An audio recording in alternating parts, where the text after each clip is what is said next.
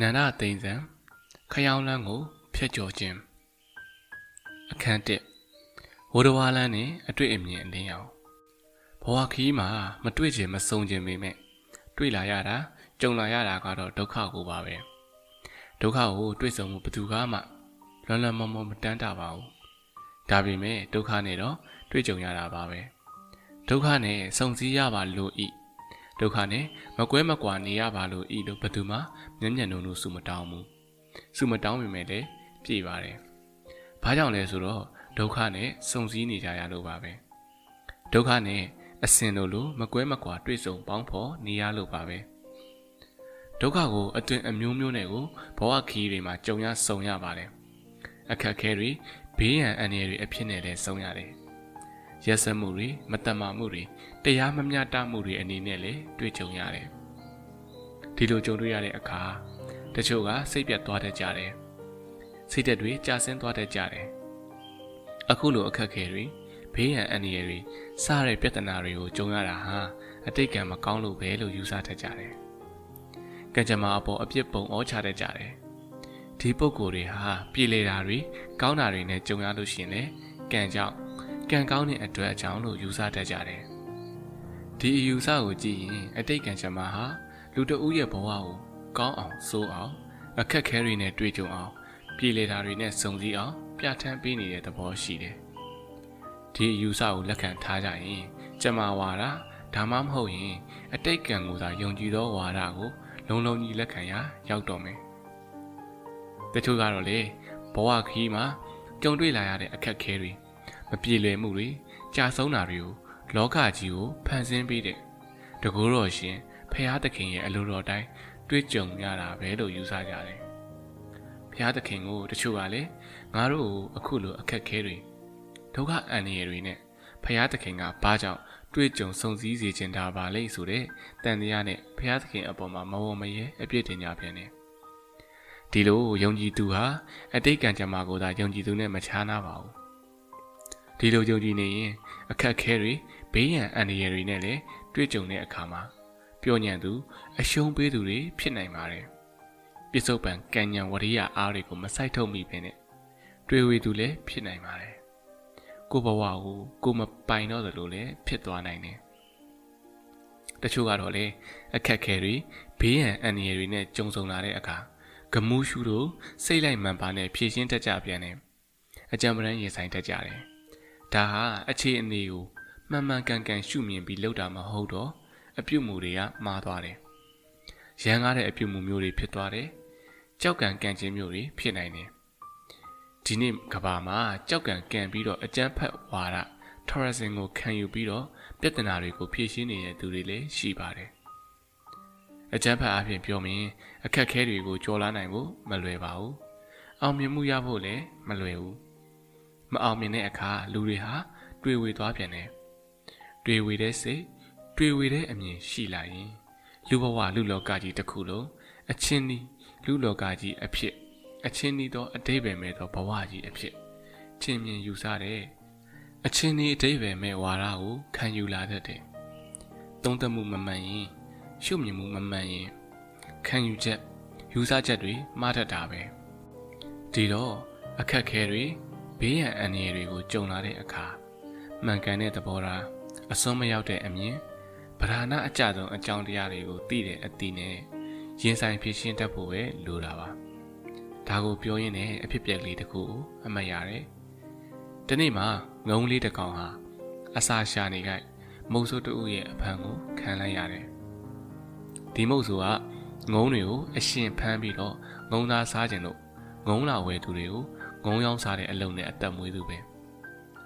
ဒါနဲ့ဆိုခဲ့တဲ့ငုံလေးကိုမုတ်ဆိုးကဖမ်းသွားပြီးတော့အိမ်ရောက်တော့တခြားငုံတွေနဲ့အတူလောင်ကြိုက်နေကိုထည့်ထားလိုက်တယ်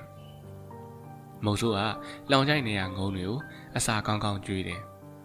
ကောင်းကောင်းအစာကျွေးတာကလည်းငုံလေးတွေဝါဝလာလာဖြစ်နေအောင်လို့ပါဝါဝလာလာနဲ့စားကြံစပွဲကလေးတွေဖြစ်လာမှလည်းငုံလာဝယ်တဲ့သူတွေကမျက်စိကျပြီးတော့ဝယ်ချင်ပါဘူးလောင်ကြိုက်နေကိုရောက်နေတဲ့ငုံတိုင်းက တစ်ချိန်ချိန်မှာတော့ငုံသားစားခြင်းလို့လာဝယ်တဲ့သူတွေရဲ့လက်ထဲမှာတေရမှာအသေးချပါငုံတိုင်းဟာမလွဲမသွေရောက်လာမဲ့တည်ခြင်းတရားကိုလောင်ချိုက်နေရနေပြီးတော့စောင့်ဆိုင်နေရတာနဲ့မချဘူးဆိုခဲ့တဲ့ငုံလေးဟာတရားမဲ့ဘေးကိုမြင်တယ်ဒါပေမဲ့တခြားငုံတွေလိုအကျန်းဖတ်ပြီးတော့လွတ်အောင်မယုံဘူးယုံလို့လည်းမရဘူးဆိုတာကို तू ကသိတယ်အကျန်းဖတ်တဲ့ငုံတွေဟာ အတင်းကရောယုံညကန်ကြနဲ့အတောင်ကျိုးနှုတ်တီးချိုးတွေဖြစ်ပြီးတော့အဆုံးမှာမောပန်းပြီးတော့တည်ကြရတာပဲခိုင်ခန့်တဲ့လောင်ရင်ထဲကနေပြီးတော့ဒီလိုအကျန်းဖတ်တဲ့နည်းနဲ့ဘယ်လွတ်နိုင်ပါမလဲပြီးတော့တေဘေးကိုမမျော်တွေးကြတဲ့တခြားငုံတွေလို့လေသူကမိမိလျော်လျော်မနေဘူးတေဘေးကိုမမျော်မတွေးမိကြတဲ့ငုံတွေကတော့မုံဆိုးကျွေးသမျှနင်းကန်စားပြီးတော့ပျော်နေကြတယ်ပြီးတော့ဖြစ်ချင်ရဖြစ်တော့ဆိုပြီးတော့တခြားငုံတွေလို့လေ သူကကံကိုပုံချပြီးတော့စိတ်ပြက်လက်ပြက်မနေဘူးသူကစိတ်ခိုင်ခိုင်နဲ့တည်ခြင်းတရားကိုဘလို့လွတ်အောင်ရှောင်နိုင်ပါမလဲလို့အကြံထုတ်နေတယ်နီလန်းရှာတယ်ရှာရင်းကအကြံတစ်ခုရလာတယ်ဒီအကြံနဲ့သူကမုတ်ဆိုးကျွေးလာတဲ့အစာကိုနည်းနည်းကလေးမသေးုံကလေးပဲစားတယ်အစာကိုနည်းနည်းပဲစားတော့သူ့ခန္ဓာကိုယ်ကလေးကပိန်လာတယ်ချီချီနေနေကလေးဖြစ်လာတယ်ဒီလိုချီချီနေနေကလေးဆိုတော့ ငုံလာဝယ်တဲ့သူတွေကသူ့ကိုမျက်စိမကြဘူးမဝယ်ကြဘူးဘယ်သူမှမဝယ်ကြလို့ကြံနေတဲ့ဟာပဲသူ့အတွက်အခွင့်အရေးကောင်းရနေတယ်အကြံထုတ်ချိန်စဉ်းစားချိန်ပိုရနေတယ်ဒါနဲ့နောက်ဆုံးမှာတော့တခြားငုံတွေကုန်လို့သူ့တကောင်နဲ့ကုတ်ကုတ်ကလေးကြံနေတော့မုတ်ဆိုးကဒီငုံကလေးဟာအစာတွေကျွေးပါလင်းနဲ့ဝမလာပဲကုတ်ကုတ်ကလေးဖြစ်နေတာယောဂတခုခုရှိနေလို့ဖြစ်မယ်ထင်တယ်လို့တွေးပြီးတော့ငုံလေးကိုလောင်ရင်ထဲကထုတ် သူ့လက်ဘွားလေးပေါ်တင်ပြီးတော့ငုံလေးမှာဘာယောဂများရှိတယ်လဲလို့စုံစမ်းကြည့်တယ်မုံဆိုးကဒီလောက်ချင်းနေနေတဲ့ငုံလေးဟာချက်ချင်းတော့ပြန်နိုင်လိမ့်မယ်လို့မထင်ထားဘူးဒါကြောင့်တတိကလည်းတိတ်မထားဘူးဒါပေမဲ့ငုံလေးကတော့အကြံနဲ့ဆိုတော့မုတ်ဆိုးတတိမထားပဲလောက်ဝါပေါ်တင်ကြီးတဲ့အခိုင်မှာဖြုတ်ဆိုပြီးတော့ပြန်ထွက်သွားပါလေရောဆက်ပြီးသူ့အပေါင်းဖော်ငုံတွေရှိရာတော့တဲ့အရောက်ပြန်သွားတယ်ဒီနည်းနဲ့ တရားမဲ့ဒုက္ခအန္တရာယ်ကနေငုံလေးဟာလွတ်သွားခဲ့ရတယ်တကယ်လို့သာငုံလေးဟာကံအတိုင်းပဲဆိုပြီးတော့စိတ်သက်ကြနေရင်ယခုလိုအသက်ဘေးကနေလွတ်မှာမဟုတ်ဘူးအချမ်းဖတ်ပြီးလောင်ရင်ထဲကရုန်းကန်ပြီးတော့ထွက်နေရင်လေပင်ပန်းပြီးတည်ဖို့သာရှိမယ်ဒါမှမဟုတ်မုံဆိုးကဒီလောက်တောင်ရုန်းကန်နေရလားလို့ဒေါသဖြစ်ပြီးတက်လို့တည်ရင်လေတည်သွားနိုင်တယ်သူမိတ်ဆွေငုံနေပြန်ရောက်တော့မိတ်ဆွေငုံနေရမေးတယ် ဘယ်ရောက်ပဲပြောက်ပြီးတော့ဘာတွေဖြစ်နေခဲ့သလဲပေါ့ဒီတော့ငုံလေးကသူ့အဖြစ်ကိုအစမှအဆုံးတိုင်းပြန်ပြောပြီးတော့သူ့ဘဝမှာရခဲ့တဲ့သင်ခန်းစာကိုလည်းပြန်ပေးရတယ်အဆွေတို့မကြံစီမတွေးခေါ်သူအခြေအနေတွေကိုမတုံးသက်မစင်ခြင်းမရှုမြင်တတ်သူဟာအကျိုးတူကိုမရဘူးငါအဖြစ်ကိုတင်လို့ကြည်ပါကြံစီစိတ်ကူးခြင်းအခြေအနေတွေကိုမျှော်ခေါ်ဆင်ခြင်တတ်ခြင်းကြောင့်မလွဲမတွေကြုံရမယ် တေဘေးလိုဒုက္ခအနည်းမျိုးကတော့ငါလွတ်မြောက်ခဲ့ရတယ်တဲ့ဘဝခီးမှာဉာဏ်အမျှော်မြင်ရှိဖို့ကလည်းတိတ်အရေးကြီးတယ်လို့ယူဆရမှာပါတနည်းဆိုရရင်အတွေးအမြင်တသနာဟာအရေးကြီးတယ်လို့ဆိုရမှာပါအခက်ခဲတွေကိုကြုံလာတဲ့အခါအခြေအနေတွေကိုမှန်မှန်ကန်ကန်မတုံးသက်မရှုမြင်နိုင်ရင်ဘယ်လိုလုပ်သင့်လဲဘယ်လိုလုပ်ရမယ်ဆိုတာကိုဆုံးဖြတ်ချက်မချနိုင်ဘူးတွေ့ဝေနေနိုင်တယ် ဒီနေရာမှာဗုဒ္ဓစာပေဟာကုဏလကေတီလို့ခေါ်တဲ့အမျိုးသမီးတူရဲ့အဖြစ်ကိုပြောစရာရှိပါတယ်ဒီမျိုးသမီးဟာအင်မတန်ကြွယ်ဝချမ်းသာတဲ့တထေကြီးတူရဲ့သမီးဖြစ်ပါတယ်ဒီနေ့မှာဒီအမျိုးသမီးဟာအင်မရတကားကနေလှမ်းမြော်ကြည့်နေကြခိုးမှုတွေကျူးလွန်တဲ့တခိုးတူကိုတတ်ဖို့မင်းချင်းယောက်ျားတွေဆွဲထုတ်လာတာကိုမြင်လိုက်ရတယ်။မင်းချင်းတွေဆွဲထုတ်လာတဲ့ဒီတခိုးကိုမြင်နေမြင်ချင်းပဲချစ်ခင်တက်မှတ်တဲ့စိတ်တွေ ဒီအမျိုးသမီးမှာပြင်းပြင်းထန်ထန်ကိုဖြစ်ပေါ်လာတယ်။ဒါနဲ့ပဲသူ့ဖခင်တထေးကြီးကိုသူဟာဒီတခိုးအမျိုးသားနဲ့အတူနေလို့ကြောင်းအတူမနေရရင်သူ့အသက်ကုန်မွေရရှိပါကြောင်းပြောပြတယ်။ဖခင်တထေးကြီးကအကြောင်းမျိုးမျိုးပြပြီးတော့သူသမီးရဲ့ဆန္ဒကိုတားမြစ်တယ်ဒါပေမဲ့မရဘူးဘလို့မှတားမရဘူးသမီးဖြစ်သူကလည်းတခိုးအမျိုးသားနဲ့မှမနေရရင်တရားပါတော့မယ်ဆိုတဲ့အမူအရာကိုပြနေတယ် ဒါနဲ့သမီးကိုတိတ်ချစ်တော့သမီးစိတ်ချမ်းသာရင်ပြီးရောဆိုပြီးတော့တထေးကြီးကတခိုးကိုမတက်ဖဲလွတ်ပေးဖို့မင်းချင်းယောက်ျားတွေကိုလက်ထိုးလိုက်တယ်အဲ့ဒီနောက်တခိုးအမျိုးသားကိုအိမ်ကိုခေါ်လာတယ်အိမ်ကိုရောက်လာတော့သမီးနဲ့ထိမ်းများလက်ထပ်ပေးလိုက်တယ်တခိုးယောက်ျားကတထေးသမီးနဲ့အတူညီလို့မကြပါဘူးညီးငွေ့မှုဖြစ်လာတယ်အရင်ကလိုအပေါင်းအသင်းတွေနဲ့တောက်တောက်ဆာဆာပျော်ပျော်ပါးပါးနေချင်လာတယ် ခိုးတဲ့အကျင့်ကလည်းပြန်ပေါ်လာတယ်တနေ့မှာတခိုးယောက်ျားကတထေးသမီးကိုလိန်နေပြီးတော့ရှင်မငါ့ကိုမင်းချင်းတွေကျိုးနဲ့တုံနှောင်ပြီးတော့ခေါ်လာခဲ့စဉ်အခါတခိုးတွေကိုပြစ်ချတဲ့ကြောက်ကိုစောင့်တဲ့နမင်းကိုဗလီနဲ့စာပူဇော်ပတ်သားပါမယ်လို့ဝန်ခံခဲ့တယ်ဒီလိုဝန်ခံခဲ့လို့ငါဟာအသက်ဘေးကနေလွတ်ခဲ့ရတယ်အဲ့ဒီနဲ့ရဲ့တကူကြောင့်တင်နဲ့ငါဟာပြေဆုံးပေါင်းဖော်ရတယ် ဒါကြောင့်နတ်ကိုတို့သွားပြီးပူဇော်ရမယ်ပူဇော်ရအောင်သွားလာတဲ့အခါမှာအဖိုးအထိုက်တန်ဆုံးလက်ဝတ်ရတနာတွေကိုဝတ်ခဲလို့တခုကြောက်ကြကပြောပါလေတော့တယ်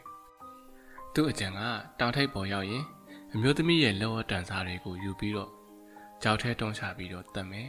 ပြီးတော့သူ့လိုရခီးကိုသွားမယ်အဲ့ဒီလိုကြံထားတယ်သူပြောတဲ့စကားကိုအဟုတ်မှတ်ပြီးတော့တတိသမီးကလည်းသဘောတူလိုက်တယ်ဒါနဲ့အမျိုးသမီးကသူပြောတဲ့အတိုင်း တတ်မှတ်ထားတဲ့ရက်ကိုရောက်တဲ့အခါမှာဒေါတောင်ဆောင်တဲ့ပူဇော်ရအောင်အကောင်းဆုံးဝတ်စားဆင်ရင်အချွေရံတွေကိုခေါ်ဗလိနတ်စာတွေကိုယူပြီးတော့တခိုးယောက်ျားနဲ့အတူထွက်လာခဲ့တော့တယ်တောင်ချေရင်းကိုရောက်တဲ့အခါမှာတော့တခိုးယောက်ျားကအမျိုးသမီးကိုအချွေရံတွေကိုတောင်ချေမှာထားခဲ့ဒုနှစ်ယောက်ထဲသွားမှာပဲသူ့အကြံကပြီးမြောက်မှာ ਉ အမျိုးသမီးကလည်းသူ့လင်တော်မောင်စကားအတိုင်းအခြေရန်တွေကိုတောင်ချီမှာနေခဲ့ခိုင်းလိုက်တယ်။ အဲ့လိုနေခိုင်းခဲ့ပြီးတော့နှစ်ယောက်သာတောင်ပေါ်ကိုတက်သွားကြပြီးတော့တယ်။တောင်ထိပ်ကိုလည်းရောက်ရောကြံထားတဲ့အတိုင်းတခိုးယောက်ျားကသူ့မယားတထေးသမီးကိုကဲလက်ဝတ်ရတနာတွေကိုချွတ်နင်းအောင်ကတက်ဖို့ခေါ်လာတာပဲလို့ဆိုပြီးတော့လက်ဝတ်ရတနာတွေကိုအတင်းချုပ်ခိုင်းတော့တယ်။တကယ်တော့ဒီတထေးသမီးဟာသူ့ရဲ့အသက်သခင်ပဲ။သူ့ရဲ့အသက်ကိုကယ်ခဲ့တဲ့သူသူ့ကိုအင်မတန်မှချစ်ခင်စွာနဲ့ပေါင်းတင်ခဲ့တဲ့လူ ဒီတော့သူ့ကိုမြည်မြချစ်ခဲ့ရကြောင်းပြောပြပြီးမတက်ဖို့တတိသမီးကအမျိုးမျိုးတောင်းပန်တယ်ဒါပေမဲ့ဘယ်လိုမှမရဘူးဘယ်လိုမှမရတော့တဲ့အခြေအနေမလွဲမသွေအသက်ခံရတော့တဲ့အခြေအနေနဲ့ရင်ဆိုင်ရတော့တယ်အဲ့ဒီကအမျိုးသမီးကအရှင်အရှင်ကိုကျမတိတ်ကိုမျက်နှိုးချစ်ခဲ့ခဲ့ရတယ်ဒီချိန်ဟာဖြင့်အရှင်ကိုနောက်ဆုံးမြင်တွေ့ရခြင်းမှာပဲဒီတော့ ကျမမသေးခင်အရှင်ကိုထွေးဖက်နှုတ်ဆက်ပေးရစီလို့အချို့တက်ပြီးတော့တောင်းပန်လက်ကဆိုလိုက်တယ်ဒီခါမှာတော့တခိုးယောက်ျားကနောက်ဆုံးအနေနဲ့အခွင့်အရေးပေးလိုက်တယ်ဒါနဲ့အမျိုးသမီးကအဲ့ဒီခစ်ကထုံးတဲ့အတိုင်းတခိုးယောက်ျားကိုလက်ရရင်းနဲ့လှဲ့တယ်အဲ့ဒီလိုလက်ရလေးနဲ့လှဲ့ပြီးတော့ရှေးမနောက်ကိုထွေးပတ်နှုတ်ဆက်တယ်အဲ့ဒီလိုနှုတ်ဆက်တာကိုတခိုးယောက်ျားကတကယ်ပဲသူ့ကိုမခွဲနိုင်မခွာရဲဖြစ်နေလို့နှုတ်ဆက်တာပဲလို့ထင်နေတယ် ဒါပေမဲ့အမျိုးသမီးကတော့အကျန်နေဘူးဒီတော့တခိုးယောက်ျားအလစ်မှာဘုံဆိုပြီးတော့ဟိုးအတူရနက်ထဲကြောက်ထဲကိုတောင်ထိပ်ပေါ်ကနေတခိုးယောက်ျားကိုတွန်းချလိုက်တော့တယ်ကြတာတဲ့တခိုးကတောင်ရံအစွန်းနေနဲ့အစင်းစင်းတက်မိပြီးတော့ခန္ဓာကိုယ်တစ်ခုလုံးကြေမွားပြတ်တက်ပြီးတော့တည်သွားတော့တယ်ဒါဟာအခြေအနေကအခုလိုလုံးမဖြစ်တော့မှာမို့လို့ဒီတိုင်းလုပ်လိုက်ရတာပဲတက်တင်လို့တက်ပစ်လိုက်ရတာပဲ အသိအမြင်ရှိတဲ့အခါမှာအခြေအနေတွေကိုသုံးသပ်ပြီးတော့လျင်မြန်စွာပဲဘာလို့တင်တယ်ဘလို့ပရိယာတွေတုံးပြီးတော့လုပ်ရမယ်ဆိုတာကိုဆုံးဖြတ်ချက်ချနိုင်တယ်တွေ့ဝေမနေဘူးနောက်တစ်ချိန်မှာဒီအမျိုးသမီးဟာဗုဒ္ဓသာသနာမှာယဟန္တာမှာဖြစ်လာပြီးတော့လျင်မြန်တဲ့ဉာဏ်ရှိတဲ့သူအဖြစ်ဒီခနုပတ္တိဉာဏ်အရာမှာဣတတိပွဲရတဲ့သူအဖြစ်ဗုဒ္ဓရဲ့ဂုဏ်ပြုမှုကိုခံခဲ့ရတယ်မှန်တဲ့အမြင်မှန်တဲ့အသိရှိဖို့လိုတယ် ပညာလိုတယ်ဆိုတာကိုစကားအနေနဲ့ပြောရတာသာလွယ်တယ်။ဒါပေမဲ့မှန်တဲ့အမြင်မှန်တဲ့အသည့်ကို့မှာတကယ်ရှိဖို့ဆိုတာကလက်တွေ့ဘဝမှာမလွယ်လောက်ဘူး။အတွေ့အကြုံတွေဘဝတုဒ္ဒတွေနဲ့စင်ကြင်ဆုံးတရားတွေဆက်ဆက်ပြီးတော့တတိနဲ့အများကြီးလေ့ကျင့်နေဖို့လိုအပ်တယ်။လေ့လေလေ့ကျင့်နေရမှာပဲ။တခါတခါမှအဖြေရှင်းရခက်လာပါတယ်ဆိုတဲ့သိပ္ပံပညာရက်တွေကပြဿနာတွေထက် လူလောကမှာရှိတဲ့လူဘဝလူမှုပြဿနာတွေကပို့ပြီးတော့အဖြေရှင်းရခက်ပါတယ်။ဒါနဲ့ပတ်သက်ပြီးတော့သင်္ကစားဆရာတော်ကြီးပြောပြခဲ့မှုတဲ့အဖြစ်အပျက်တစ်ခုကိုအမှတ်ရမိတယ်။ဆရာတော်ကြီးကတော့လွတ်ပုံလုံနည်းတွေမဟုတ်ရင်မှားနိုင်တယ်ဆိုတာကိုရည်ညွှန်းပြောပြလိုက်တာပါ။မန္တလေးရတနာဘုံနေပြီးတော့ကြီးကောင်းစားစီပင်စဉ်အချိန်တုန်းကတနေ့တော့အခါမှာမိခင်ဖြစ်သူနဲ့သူ့သမီးပြိုအချောကလေးတို့အလားပြကျင်တာနဲ့အကောင်းဆုံးအဝတ်စားတွေဝတ်ပြီးတော့မြို့ထဲကိုခေါ်လာတယ် သားမီးနှစ်ယောက်လုံးဝင်းဝင်ကြွားကြွားနဲ့ရှောက်လာကြတယ်။တသမီးကလည်းတကယ်ပဲချောမောလှပသူကလေးဆိုတော့မြင်သူတကငေးမောကြည့်ရှုကြရတယ်။ဒါကိုအမေကြီးကသူ့သမီးအချောလာအတွက်ဂုံယူဝင်ကြွားရင်းနဲ့လမ်းလျှောက်လာတယ်။အဲ့ဒီလိုလျှောက်လာတော့မှမမျော်လင့်ပဲနဲ့လေပွေတစ်ခုကသူတို့သားမိကိုတိုးဝင်တိုက်ပါလေရော။အဖြစ်ဆိုးပုံကလေပွေတိုးအဝင်လိုက်မှသမီးဖြစ်သူရဲ့ထမင်းကကျွတ်ပြီးတော့ပါသွားတယ်။ဘ လောက်များသူ့သမီးလေးခမများမှရှက်လိုက်မလဲ။အဲ့ဒီအခါမှာအမေဖြစ်သူကကြပြားကတိနဲ့သူ့ထမင်းကိုချွတ်ပြီးတော့သူ့သမီးလေးအရက်ကိုကားကွယ်ဖို့ဝစ်ပေးလိုက်တယ်။ကြပြားကတိဆိုတော့ချက်ချင်းထမင်းကချွတ်လို့မရနိုင်ဖြစ်နေတယ်။ဒီခေတ်မျိုးသမီးတွေရဲ့ထမင်းကွင်းလိုမဟုတ်ဘူးနဲ့တူပါတယ်။ဒီတော့အမေရောသမီးပါမလုံမလဲဖြစ်နေတယ်။အနီးပါးကလူတွေကသူတို့သားမီးနှစ်ယောက်ဖြစ်ပုံကိုကြည့်ပြီးတော့မရေပဲမနေနိုင်အောင်ဖြစ်ကုန်ကြတယ်။ ဒီဖြစ်ပျက်ကိုတချို့သောလူတွေကအမေဖြစ်သူဟာသမီးအတွက်သူ့အထမိန်ကိုချွတ်မပေးသင့်ဘူးလို့ထင်မြင်ချက်ပေးကြတယ်။ဘာကြောင့်လဲဆိုတော့အမေကထမိန်ချွတ်ပေးလိုက်တော့အမေရောသမီးပါနှစ်ယောက်စလုံးထမိန်မရှိပဲဖြစ်ရပြီးတော့နှစ်ယောက်စလုံးရှက်ရလို့ပဲတဲ့။ကဲဒါဖြစ်ရင်အမေကသမီးအတွက်ထမိန်ချွတ်မပေးသင့်ဘူးဆိုရင်ဘယ်လိုပြုမှုတင်တယ်လို့မေးတော့သူတို့တွေကတချို့ကအမေဖြစ်သူကသမီးရဲ့ထမိန်ကိုကောက်ပြီးတော့ပေးရမယ်။ ကောက်ယူပြီးတော့သမီးကိုဝတ်ပေးရမယ်။ဒါဆိုရင်သမီးတယောက်သာရှက်ရမယ်။နှစ်ယောက်ရှက်မဖြစ်တော့ဘူးတဲ့အမေဖြစ်သူသမီးကိုသူ့ကိုယ်နဲ့ကွက်ပြီးတော့ကာကွယ်ပေးရမယ်အဲ့လိုကာကွယ်ထားပြီးအနီးပါးကလူတွေကိုထမိန်ကောက်ပေးပါလို့အကူအညီတောင်းရမယ်တဲ့ဒါပေမဲ့အနီးနားကလူတွေကယောက်ျားတွေဖြစ်နေတယ်ဆိုရင်ထမိန်ကိုလိုက်ကောက်ပေးခြင်းမှမဟုတ်ဘူးကဲဒီပြဿနာကိုဘယ်လိုဖြေရှင်းကြမလဲထင်မြင်ချက်တွေအမျိုးမျိုးတော့ထွက်လာမှာပဲ ဒီမှာပြောလိုတာကလူဘဝလူလောကမှာရှိတဲ့လူမှုပြဿနာတွေအခက်ခဲတွေဟာလေးနဲ့တိမ်မွေပါပေတယ်ဆိုတဲ့သိပ္ပံပညာကပြဿနာတွေထက်တစ်ခါတစ်ခါမှပိုပြီးတော့ဖြေရှင်းရခက်တတ်ပါတယ်ဒီလိုပြဿနာတွေကိုဖြေရှင်းနိုင်ဖို့အတွက်အတိတ်တတိတွေအမျော်အမြင်အစင်ချင်းတွေလင်းမြန်စွာဆုံးဖြတ်ချက်ချနိုင်မှုတွေလိုအပ်ပါတယ်အဲ့လိုရှိဖို့အတက်နိုင်ဆုံးလေ့ကျင့်နေဖို့လိုတယ်လို့လည်းပြောဆိုလိုရင်းဖြစ်ပါတယ် သိပ္ပံပညာရေးဆိုင်ရာပြဿနာတွေကိုဖြေရှင်းတဲ့အခါမှာအတော်အတန်တိကျခိုင်မာတဲ့နှုံးဆန်မျိုးကိုအားကိုးလို့ရတယ်။ထင်းချုပ်ပြီးတော့အပြန်ပြန်အလန်လန်လက်တွေဆန်းသက်ပြီးတော့ဖြည့်ရှင်းနိုင်တာမျိုးတွေရှိတယ်။ဒါပေမဲ့လူကိစ္စလူမှုပြဿနာတွေမှာတော့ဖြည့်ရှင်းတဲ့အခါမှာအမားအမှန်ကိုတိုင်းတာနိုင်တဲ့မူတည်နှုံးဆန်မျိုးလည်းမရှိဘူး။ထင်းချုပ်မှုပြုပြီးတော့အပြန်ပြန်အလန်လန်လက်တွေဆန်းသက်ကြည့်ရှုဖို့လည်းမလွယ်ဘူး။ ဒါကြောင့်လူကိစ္စလူပြဿနာတွေကိုလောက်ကင်ဆောင်ရွက်ဖြည့်ရှင်းရတဲ့အခါမှာစိတ်ကိုတတိထားဖို့လိုမှာပဲ။တိမ်တိမ်မှုမှုနဲ့ပြုမှုတတ်ဖို့လည်းလိုတယ်။အခြေအနေတွေကိုဗတ်စုံရှုထောင့်ကနေကြည့်ပြီးတော့အတိတ်တတိတွေအများကြီးနဲ့လူပြဿနာလူကိစ္စတွေကိုလှုပ်ဆောင်ရတာဖြေရှင်းရတာတွေကတကယ်တော့မလွယ်ပါဘူး။လူအများကိုလမ်းညွန်ပြရသူအုပ်ချုပ်ကုတ်ခဲ့ရသူခေါင်းဆောင်ပြရသူတွေမှာလူကိစ္စလူပြဿနာတွေကိုဘယ်များအထိဆောင်ရွက်ရတာခက်တယ် ဖြေရှင်းရခက်တယ်ဆိုတာသိတာမှာပါ။ဒီနေရာမှာဆက်ဆက်လို့ဟိုးရှိခေအင်းဝဘရင်ဒုတိယမင်းခေါင်ထံမှာပေးပို့ခဲ့တဲ့ကံတော်မင်းเจ้าဆရာတော်ရဲ့မေတ္တာစာမှာပါရှိတဲ့စာပိုက်တချို့ကိုထုတ်ပြောချင်ပါသေးတယ်။ဒီမေတ္တာစာမှာကံတော်မင်းเจ้าဆရာတော်ကြီးဟာလူမှုပြဿနာတွေကိုပြုမှုဆောင်ရွက်တဲ့အခါမှာလူမှုပြဿနာတွေကိုကင်တွယ်ဖြေရှင်းတဲ့အခါမှာအတိတတိအမျော်အမြင်အစဉ်ချင်းတွေလိုအပ်ပုံနဲ့ပတ်သက်ပြီးတော့ အခုလိုဖော်ပြထားပါတယ်။အလင်းအနေအလေးအပေါ့အလျှော့အတင်အတွင်းအပအစအမှန်ခတ်သိမ်းဝင်ကို မကြံစေငါရှောင်းငါရှားကလွှဲကပေကသိပညာဖြင့်နတ်စွာနှလုံးပြုစီခြင်းနဲ့စသဖြင့်ဖော်ပြထားပါတယ်အလင်းအနေဆိုတာကလင်းလျင်မြန်မြန်ပြုရတာမျိုးနှင်းနှင်းပြုရတာမျိုးလည်းရှိတယ်ဒီတော့လျင်တဲ့နေတဲ့နှလုံးချင်ပြီးတော့ပြုမှုလှုပ်ဆောင်ဖြည့်ရှင်းရမယ်လို့ဆိုလိုတယ် တချို့ကိစ္စတွေကိုပြုမှုဆောင်ရွက်တဲ့အခါမှာနှင်းနှင်းပြုတဲ့မှာလျင်နဲ့မြန်မြန်လောလောကြီးပြုမိလို့မှားတာတွေရှိတယ်။တချို့ကိစ္စတွေပြန်တော့မြန်မြန်ပြုရမှာဖြစ်ပေမဲ့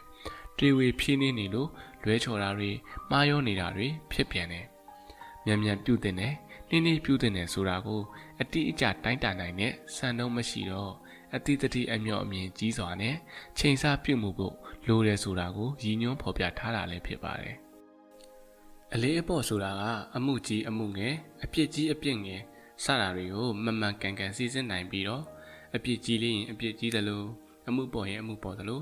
ငဲရင်ငဲသလိုအပြစ်ပေးရတာကိုဆိုလိုတယ်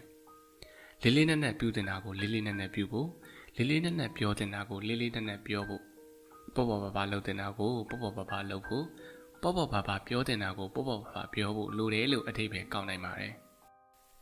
အရော့အတင်ဆိုတာကတချို့ကိစ္စတွေကိုတော့ တိမ်တိမ်မွေ့မွေ့ပြောပြောပြောင်ပြောင်နဲ့ခက်လျော့လျော့ဖြည့်ရှင်းရပြီးတော့တချို့ကိစ္စတွေကိုတော့ခက်တင်တင်ဖြည့်ရှင်းရတာမျိုးလည်းရှိတယ်လို့ဆိုလိုတယ်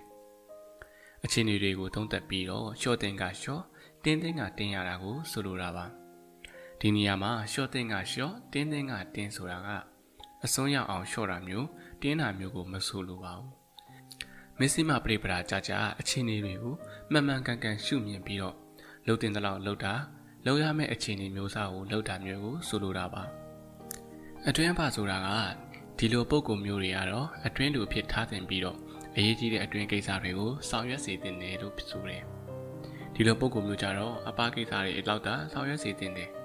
ဆိုတာကိုခွဲခြားသိဖို့လိုအပ်တယ်လို့ဆိုလိုတာပါ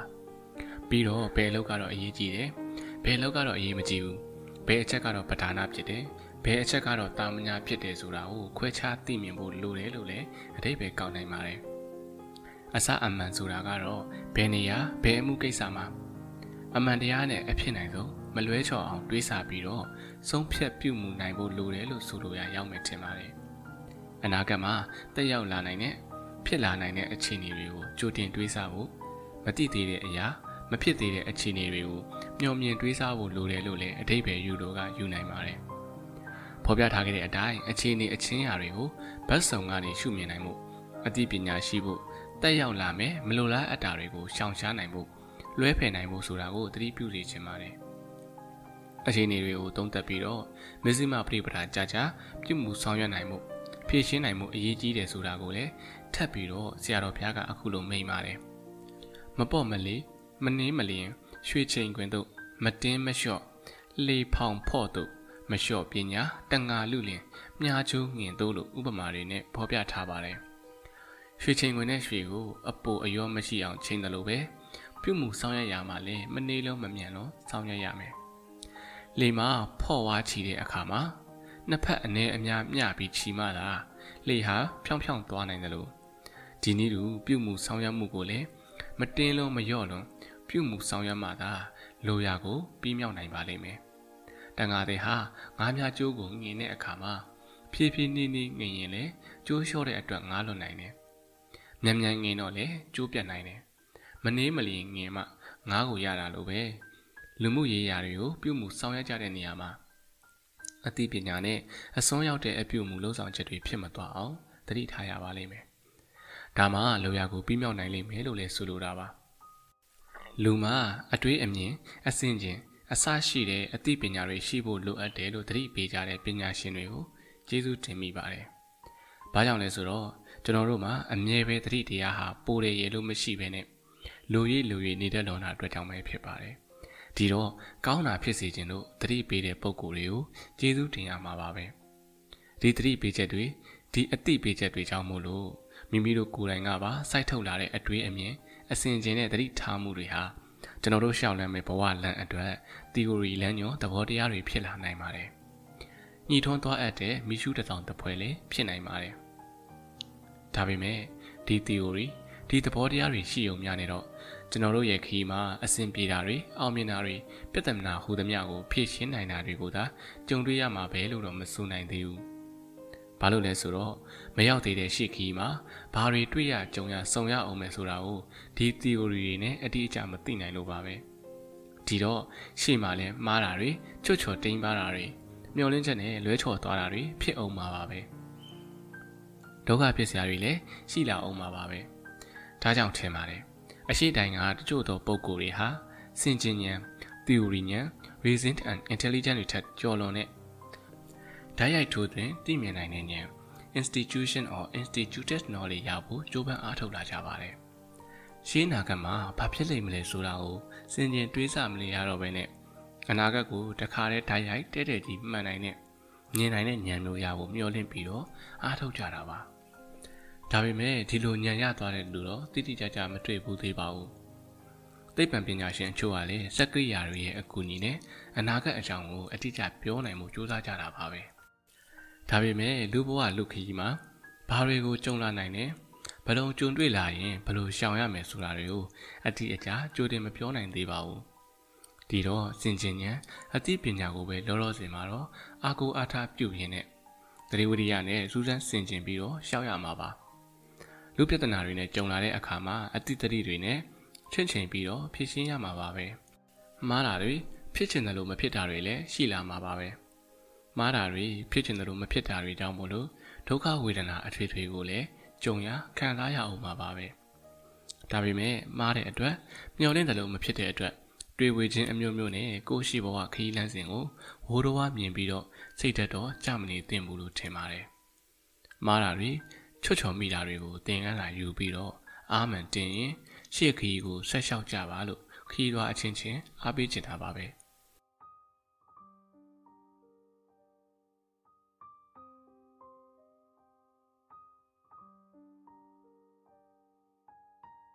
နန္နာသိန်းဆန်ခရောင်လန်းကိုဖျက်ကျော်ခြင်း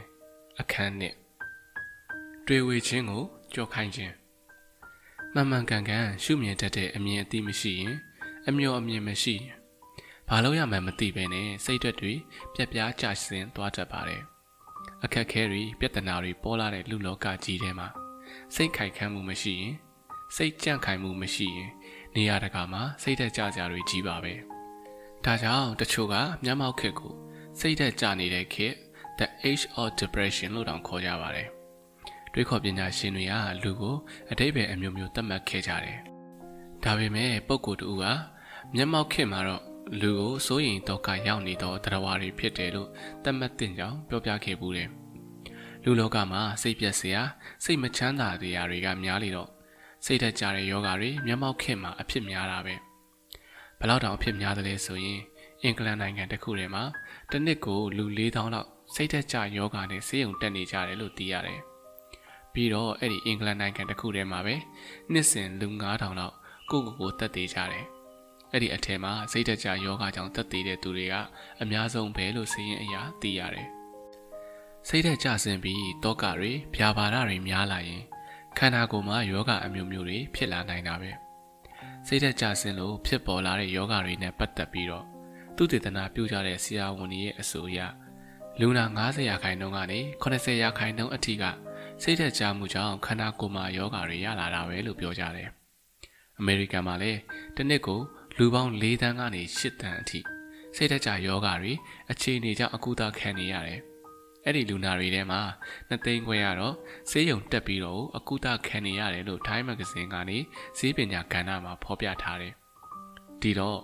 စိတ်သက်သာစရာတွေ စိတ်ပြက်စရာတွေအခက်ခဲတွေနဲ့စတဲ့ဒုက္ခတွေကိုကြုံရတဲ့အခါမှာအရှုံးမပေးဘဲနဲ့အဖြစ်နိုင်ဆုံးအာမန်ကိုတင်းထားရမှာပါပဲပြစ်တိုင်းတောင်ရုပ်ကလေးတွေကိုမြင်ဘူးကြမှာပါငငယ်ကဒီပြစ်တိုင်းတောင်ရုပ်ကလေးတွေနဲ့ကစားဘူးကောင်ကစားဘူးကြမှာပါပြစ်တိုင်းတောင်ကိုဘလို့ပဲပြစ်ပြစ်ဘယ်နေရာကိုပဲပြစ်လိုက်ပြစ်လိုက်ကြာရနေရာမှာမက်လျက်ထောင်လျက်ပါပဲဒီပြစ်တိုင်းတောင်လို့ပေါ့ဘလို့အခြေအနေကိုပဲရောက်ရောက် ဦးထောင်ထောင်လဲမော့မော့နဲ့နေရမယ်အာမန်တွေမလျှော့ရဘူးအာတင်းထားရမယ်လူတော်လူကောင်းတွေဟာတည်ရမယ့်ဒုက္ခမျိုးတွေနဲ့တောင်ကြန့်ခိုင်တဲ့စိတ်နဲ့ရင်ဆိုင်ခဲ့ကြတာတမိုင်းမှာအများကြီးပါပဲငါကြုံတွေ့နေရတာတွေကဘာဟုတ်သေးလို့လဲလို့စိတ်ကိုဖြေသင့်ပါတယ်မဟာဇနကမင်းသားရဲ့အကြောင်းကိုကြားဦးကြမှာပါတခါတခါဒုက္ခတွေနဲ့ကြုံတွေ့ရတဲ့အခါမဟာဇနကမင်းသားကိုမြင်အောင်ပြီးတော့အားတင်မိတယ် ဒီမှာသိကြတဲ့အတိုင်းပဲပင်လယ်တွင်းမှာတင်မောပြတ်တော့တခြားလူတွေဟာတထိတ်ထိတ်အပြပြဖြစ်ကုန်ကြတယ်။တချို့ကလည်းသူတို့ယုံကြည်ရာနှက်တွေကိုယော်ရမ်းတန်တာကြတယ်။တချို့ကလည်းဘာလို့ရမှန်းမသိတော့ဘဲနဲ့ကိုးကွယ်ရမရအော်ဟစ်ငိုကြွေးပြီးတော့ယုံရင်းဆန်ခတ်တွေဖြစ်နေကြတယ်။ဒါပေမဲ့မဟာဇနကကတော့စိတ်ဓာတ်ခိုင်မာသူဆိုတော့ပြရခတ်မနေဘူး။တခြားသူတွေကိုဘလို့မှကယ်လို့မဖြစ်နိုင်တဲ့အဆုံးပါ။မဟာဇနကမင်းသားအစာကိုကောင်းကောင်းစားတယ်။ ထောပတ်တွေကိုလည်းတဝစားတယ်။သူ့ကိုယ်မှလည်းရနိုင်သလောက်စီတွေထောပတ်တွေတုပ်လိမ့်နေပြီးတော့ရွက်တိုင်ထိတ်ကိုရောက်အောင်တက်တယ်စိတ်သက်ခိုင်မာသူဆိုတော့အခြေအနေတွေကိုတည်ငြိမ်စွာသုံးသပ်နိုင်ပြီးတော့ဘာကိုလုပ်ရမယ်ဆိုတာကိုလည်းဆုံးဖြတ်နိုင်တယ်သူရွက်တိုင်ထိတ်ဖျားကိုရောက်အောင်တက်ရတာကလည်းအကြောင်းရှိတယ်တင်မောကြီးဝမ်းပိုက်ပေါက်ပြီးတော့လူတွေရေနစ်တော့ငလိတ်တွေငမန်းနေရဝင်စားကြတယ်တင်မောရဲ့ဝင်းကျင်မှာအตาငန်းငန်းဖြစ်နေကြတဲ့ငလိတ် ငမန်းတွေကရေနစ်သူတွေကိုစားဖို့တိုးကျိတ်နေကြတယ်။တဒီတော့ငလိတ်ငမန်းတွေအများဆုံးစုဝေးနေတဲ့နေရာကိုသူရောက်အောင်သွားရင်ဘလောက်ရေကူးတော်တော်အကိုက်ခံရပြီးတော့တည်မှာပဲဒါကိုစင်ကျင်နိုင်တဲ့အတွက်မဟာစနကမင်းသားကရွက်တိုင်ထိပ်ဖြာကိုရောက်အောင်တက်ငလိတ်ငမန်းတွေစုဝေးပြီးတော့စားတော့ကြိုက်ခဲနေတဲ့နေရာနဲ့ဝေးနေသမျှဝေးအောင်တအားကုန်ခုံလွှားချလိုက်တယ်အဲ့ဒီနောက်မစုံမနစ်တဲ့ဝရိယနဲ့ အပြောကျတဲ့ပင်နယ်ကြီးကိုကူးတော့တာပဲကဘာမှာဖြင့်အကြီးကျယ်ဆုံးသောရေကူးသမအဖြစ်ကူးခတ်နေတဲ့မဟာစနကမင်းသားကိုမြင်ရောင်ကြည့်နိုင်ပါတယ်။ဘာကြောင့်အကြီးကျယ်ဆုံးလို့ဆိုနိုင်တယ်လဲဆိုတော့ရွက်တိုင်ဖျားကနေခုံချပြီးတဲ့နောက်မှာပင်လယ်ပြင်မှာခொနည်းရက်လုံးလုံးကူးခတ်နေခဲ့လို့ပါပဲ။သူစိတ်သက်ခိုင်ကြည်မှုနဲ့ဇွဲလုံးလားတို့ကြောင့်မဏိမေခလာရဲ့အကူအညီကိုရပြီးတော့အသက်ချမ်းသာရရခဲ့တယ်။မဟာစနကမင်းသားက တခြားလူတွေလိုစိတ်ဓာတ်တွေခြောက်ခြားပြက်ပြားသွားရင်အခြေအနေတွေကိုရုပ်ကြီးသုံးသပ်နိုင်စွမ်းရှိမှာမဟုတ်ဘူး။ဘာလို့လုံးတဲ့နဲ့ဘယ်လိုလုံးတဲ့နဲ့ဆိုတဲ့အသိမြင်ကိုလည်းရနိုင်မှာမဟုတ်ဘူး။ဒီလိုအသိမြင်မရှိရင်ဘယ်လိုလုပ်ရမယ်ဆိုတဲ့ဆုံးဖြတ်ချက်ကိုချနိုင်မှာမဟုတ်ဘူး။စိတ်သက်ပြပြကြဆင်းသွားရင်ခုနှစ်ရက်လုံးလုံးကူးနိုင်တဲ့ဇွဲတက်တီနဲ့ဝရိယလည်းရှိလာမှာမဟုတ်ဘူး။ စိတ်သက်ကြဆင်းသွားရင်တေဘေးကလွတ်မြောက်လို့တဲ့စံသားနဲ့မျောလင်းချက်လည်းကုံသွားနိုင်တာပဲ။စိတ်ဓာတ်တွေမလုံမရှာမရေရန်အောင်ထိန်းထားရမှာပါပထမကဘာစစ်ကြည့်ပြီးတဲ့အခါမှာလူတွေက Marshall Foch ကိုစစ်အတွင်ကဘလို့များအုပ်ချုပ်ကုတ်ကဲကဲပါတလဲလို့မေးတော့သူကဆေးတံဖွာရင်ခေါင်းအေးအေးနဲ့လောက်ရမယ့်ဟာကိုလုပ်ခဲ့တာပါပဲလို့ပြန်ပြောဘူးတယ်ရရှိလာတဲ့သတင်း information တွေအခြေအနေတွေအပေါ်မှာ မှန်ကန်စွာသုံးသပ်ပြီးတော့အမိန့်ပေးနိုင်တဲ့ဆုံးဖြတ်ချက်ချနိုင်တဲ့စစ်ဘက်ကောင်းဆောင်တွေစစ်မြေပြင်မှာရန်သူကိုအနိုင်တိုက်နိုင်ကြတဲ့စစ်တီကောင်းတွေကြုံတွေ့လာတဲ့လူမှုပြဿနာတွေကိုဖြေရှင်းနိုင်တဲ့တိုင်းပြည်ကောင်းဆောင်ကောင်းတွေမှာခိုင်ခန့်တည်ငြိမ်တဲ့စိတ်ဓာတ်တွေရှိနေကြတာပါပဲအခက်အခဲတွေဘေးအန္တရာယ်တွေပြဿနာတွေကိုကိုယ်တိုင်လက်တွေ့မကြုံရသေးခင်မှာလူတအုပ်ကိုလူတော်လူကောင်းဟုတ်တယ်မဟုတ်ဘူးဆိုတာကဆုံးဖြတ်ရခက်ပါတယ် ဒါကြောင့်ဘေးရန်အန္တရာယ်တို့ဆက်ရောက်လာတဲ့အခါကာလမှာသာပုဂ္ဂိုလ်တို့ရဲ့စွမ်းရည်တတိကိုသိရတယ်ဆုံးဖြတ်ရမယ်လို့ဆိုတာပါအကြောင်းမသိသေးခင်ကဒီပုဂ္ဂိုလ်ဟာဘယ်လိုအရေးချင်းစွမ်းရည်တတိတွေရှိတယ်လို့ချီးမွမ်းနေကြပေမဲ့ဧကံမဆုံးဖြတ်နိုင်သေးဘူးတကယ်အခက်ခဲတွေဘေးအန္တရာယ်တွေနဲ့ကြုံပြီးတော့ဒီအခက်ခဲတွေဘေးရန်အန္တရာယ်တွေကိုကြံ့ကြံ့ခိုင်ခိုင်ရင်ဆိုင်ဖြည့်ရှင်းနိုင်တာတွေကိုတွေ့မှသာပုဂ္ဂိုလ်တူကိုတကယ်တတိရှိတယ်တကယ်တတိမရှိဘူး လူစမ်းလူသားရှိတယ်လူသားလူသားမရှိဘူးဆိုတာသိနိုင်တာပါစိတ်ကောင်းနှလုံးကောင်းရှိတယ်မရှိဘူးဆိုတာကလည်းဒီနည်းတူဆုံးဖြတ်ရမှာပါပဲဂေါရမဗုဒ္ဓဖရာအဖြစ်ကိုမရောက်ခင်ရေးအခါကာလတုန်းကတာဝတိပြည်မှာဝေရဟိကာဆိုတဲ့အိမ်ရှင်မတူရှိတယ်ဝေရဟိကာကအများဆုံးကိုကျင့်တရားကောင်းတယ်စိတ်နေသဘောထားကောင်းတယ်တိတ်ကိုစိတ်သဘောထားပျော့ပြောင်းတယ်လို့ချီးမွမ်းကြတယ် ဝေဒီဟိကဟာသူတော်ကောင်းစိတ်ရှိတယ်အပြောအဆိုကလည်းအင်မတန်ကောင်းတယ်ချိုးချိုးသားသားရှိတယ်ဆက်ဆံရေးမှာလည်းဖော်ဖော်ရွေရွေနဲ့အင်မတန်တော်တယ်တကယ်သူတော်ကောင်းပါလေလို့အရက်ကဝိုင်းပြီးတော့ချီးမွမ်းကြတယ်အဲ့ဒီဝေဒီဟိကရဲ့အိမ်မှာကာလီလို့ခေါ်တဲ့ကျွန်မလေးတယောက်ရှိတယ်ကာလီဟာဘယ်အိမ်သွားသွားဘသူနဲ့ပဲတွေ့တွေ့သူ့တခင်မဝေဒီဟိကရဲ့ကောင်းကြောင်းတွေတိခံတက်ကြောင်းတွေစိတ်ကောင်းရှိကြောင်းတွေပဲကြားနေရတယ်ဒါနဲ့ကာနီယာစဉ်းစားတယ် ငါတက်ခင်မဟာတကယ်ပဲစိတ်သဘောထားကောင်းနေလို့လားဒါမှမဟုတ်အိမ်မှုရရကိစ္စတွေကိုငါကအကုန်ဆောင်ရွက်ပေးနေလို့အချိုးပြေအဆင်ပြေနေလို့လားစုံစမ်းအောင်မယ်ဒီလိုကြံပြီးတော့တနေ့မှာကာလီဟာခါတိုင်းလိုအိမ်မှုကိစ္စကိုလုပ်ဖို့စောစောမထပဲနဲ့ပြေးပြီးတော့အိမ်နေလိုက်တယ်ဝေဒေဟိကအင်ရှင်မကအိယာကထလာပြီးတော့အချင်းနွေတွေကိုတီးတဲ့အခါမှာတော့ခါတိုင်းလိုမျက်နာတစ်စရာရေကလည်းအစင်းသင်းမရှိဖြစ်နေတာကိုတွေ့ရတယ် မိဖို့ထဲမှာချက်ရည်ပြုတ်ရည်အတွက်လည်းဘာမှမလုပ်ရသေးဘူးအမိုင်လဲစရာရှိတာတွေကိုလည်းလှဲချင်းမထားတာတွေ့ရတယ်ဒီတော့ဝေဒီဟိကာစဉ်းစားတယ်ဒီကနေ့ကာလီဟာအိယာကမထသေးဘူးခါတိုင်းလုပ်နေကြအလုပ်တွေကိုလည်းဘာမှမလုပ်ရသေးဘူးနေမကောင်းလို့များလားအဲ့ဒီလိုတွေးပြီးတော့သူကစိတ်မဆိုးသေးပါဘူးစိတ်ဆိုးစရာအကြောင်းကလည်းမလုံလောက်သေးပဲဘူးနေမကောင်းရှာလို့နဲ့ဒူပါရဲလို့ကယူနာလေးနဲ့တနာစိတ်တောင်ဖြစ်လိုက်သေးတယ် ဒါနဲ့နေမကောင်းမှုလို့ထင်ပြီးတော့ဝေဒေဟိကာကာလီကိုသွားမိတယ်ဘလို့ဖြစ်လို့လဲနေမကောင်းမှုလားလို့မေးတော့ကာလီကဘာမှမဖြစ်ပါဘူးအိတ်ရှင်လို့အိတ်နေတယ်လို့ပြန်ဖြေလိုက်တယ်ဝေဒေဟိကာကဘာမှမပြောဘူးမျက်နာတော့ပြတ်သွားတယ်ဒါကိုမြင်တော့ကာလီကဒတို့သခင်မှစိတ်ဆိုးတတ်တာပဲလို့တွေးတယ်ဒါပေမဲ့မသေးကြသေးဘူးထပ်ဆောင်စမ်းအောင်မှပဲလို့တွေးပြီးတော့နောက်နေ့မှလည်းအိယာကစောစောမထပဲပြေးပြီးတော့ဆက်အိမ်နေလိုက်တယ် ဒီအခါမှာလေဝေဒေဟိကမနေ့ကလိုပဲလာပြီးတော့ဘာကြောင့်မထားတာလဲလို့မေးတော့အိတ်ချင်လို့အိမ်နေရသခင်မလို့ကာလီယာပြန်ပြောလိုက်တယ်ဒီအခါမှာတော့ဝေဒေဟိကနေငါကြောင့်သိမယ်လို့ကြိမ်ပေါင်းတော့တယ်အရင်ကအပြောအဆိုယဉ်ကျေးပါပြီတယ်ဆိုတဲ့ဝေဒီဟိကအခုတော့ကြမ်းတမ်းတဲ့စကားတွေပြောလာတာကိုကာလီသတိထားမိတယ်။ဒါပေမဲ့ပိုပြီးတေချာအောင်နောက်နေ့မနှက်မှလည်းအိယာကနေစောစောမထဘဲနဲ့ပြေးပြီးတော့အိမ်နေလိုက်တယ် နောက်နေ့မနှက်မှလည်းဝေရီဟိကလာမေးပြန်ပါတယ်ကာလီကလည်းမထကျင်လို့အိမ်နေရလို့ပြောလိုက်တယ်ဒီတစ်ချိန်မှာတော့ဝေရီဟိကဟာကာလီကိုစိတ်ဆိုးဒေါသတွေဖြစ်ပြီးတော့ချိန်မောင်ဆွဲဆိုုံသာမကပဲနဲ့တကားကလန့်နဲ့ပေါက်လိုက်တာ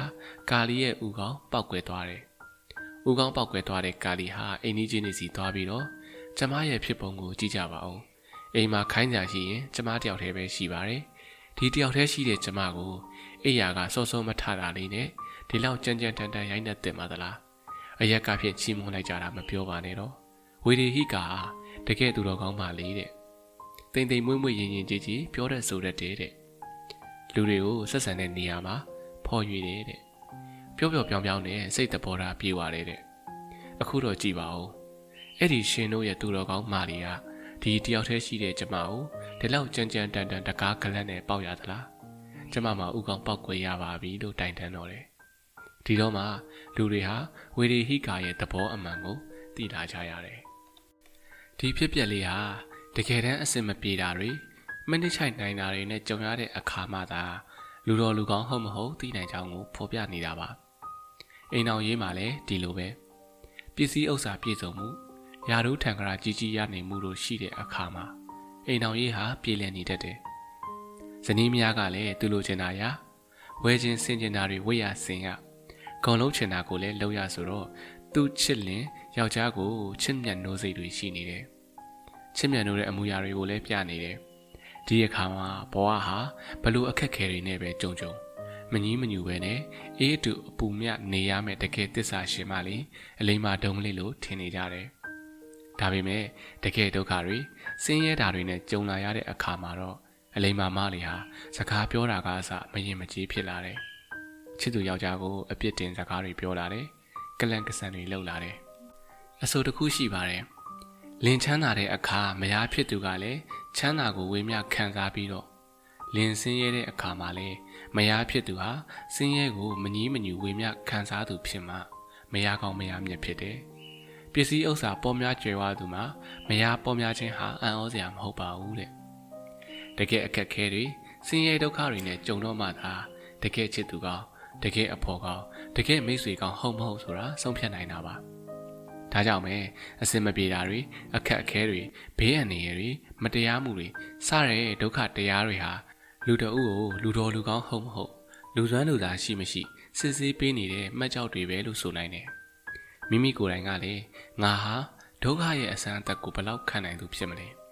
ဒုက္ခရဲ့မှတ်ကြောက်အတင်ဘယ်လောက်ခံနိုင်သူဖြစ်မလဲဆိုတာဆုံးဖြတ်ရမှာပဲပုဂ္ဂိုလ်တူကပြောဘူးတယ် ဒုက္ခအန္တရာယ်တွေအခက်အခဲတွေဆိုတာပူပြင်းတဲ့ရာသီဥတုနဲ့တူတယ်။ပူပြင်းတဲ့ရာသီဥတုဟာနွားနို့ကိုတော့ချင်းတိုးသွားစေတယ်။ဒါပေမဲ့တချို့သောတစ်သီးတွေကိုတော့ချုံမြိန်စေတဲ့တစ်သီးတွေဖြစ်ရအောင်ရင့်မဲ့စေနိုင်တဲ့။ထိုနည်းတူစွာပါပဲအခက်ခဲတွေဘေးရန်အန္တရာယ်တွေစတဲ့ဒုက္ခတွေနဲ့ကြုံကြိုက်တဲ့အခါမှာစိတ်သက်ခိုင်ကြည်မှုမရှိသူတွေကတော့ပြည့်ရင်းဆုံးပါကြဆင်းမှုတွေဖြစ်ရတယ်။ စိတ်သက်ကြံ့ခိုင်သူတွေကတော့အခက်ခဲတွေကိုကြမ်းကြမ်းခိုင်ခိုင်ကြော်လွှားရင်အောင်မြင်တဲ့သူအကြီးအသွေးမြင့်မားတဲ့သူတွေအဖြစ်ထွက်ပေါ်လာတယ်။ဒီတော့ကြုံလာသမျှဒုက္ခနဲ့ဒုက္ခရဲ့အပေါင်းပါတွေဖြစ်တဲ့အခက်အခဲတွေဘေးရန်အန္တရာယ်တွေကိုကြမ်းကြမ်းခိုင်ခိုင်နဲ့ကြော်လွှားဖို့အာမန်ကိုတင်းထားရမှာပါပဲ။တင်းကိုတင်းထားရမှာပါ။နန္ဒသိန်းစံခယောင်းလန်းကိုဖျက်ကျော်ခြင်းအခန်း3 ဘဝခရီးတွေစီအားအတန်မှန်တဲ့အမြင်ခိုင်ခန့်တဲ့စိတ်ဓာတ်မရှိပြန်ရင် ဖြစ်လို့ရလို့ဆန္ဒတွေနဲ့ညှို့လင်းချက်တွေဟာလေပြက်ပြယ်ရော့နေသွားတတ်တာပါပဲဒါဟုတော့ရနိုင်တော့မှာမဟုတ်ဘူးဖြစ်နိုင်တော့မှာမဟုတ်ပါဘူးအောင်မြင်တော့မှာမဟုတ်ပါဘူးစသဖြင့်အားရောတဲ့စိတ်တွေဖြစ်လာတတ်တာပါပဲပုဂ္ဂိုလ်တူကဘဝခီးတဲ့တွေထံကလေတံသုံးမျိုးကြားရတတ်တယ်ဒါဖြစ်ရမယ်ဆိုတဲ့အတန်ရဲ့ ဒါဖြစ်မှာဖြစ်ပါမလားဆိုတဲ့အတန်ရဲ့ဒါတော့ဖြစ်မှာမဟုတ်ဘူးဆိုတဲ့အတန်ရဲ့ဒီတန်သုံးမျိုးကြားရတတ်တယ်တဲ့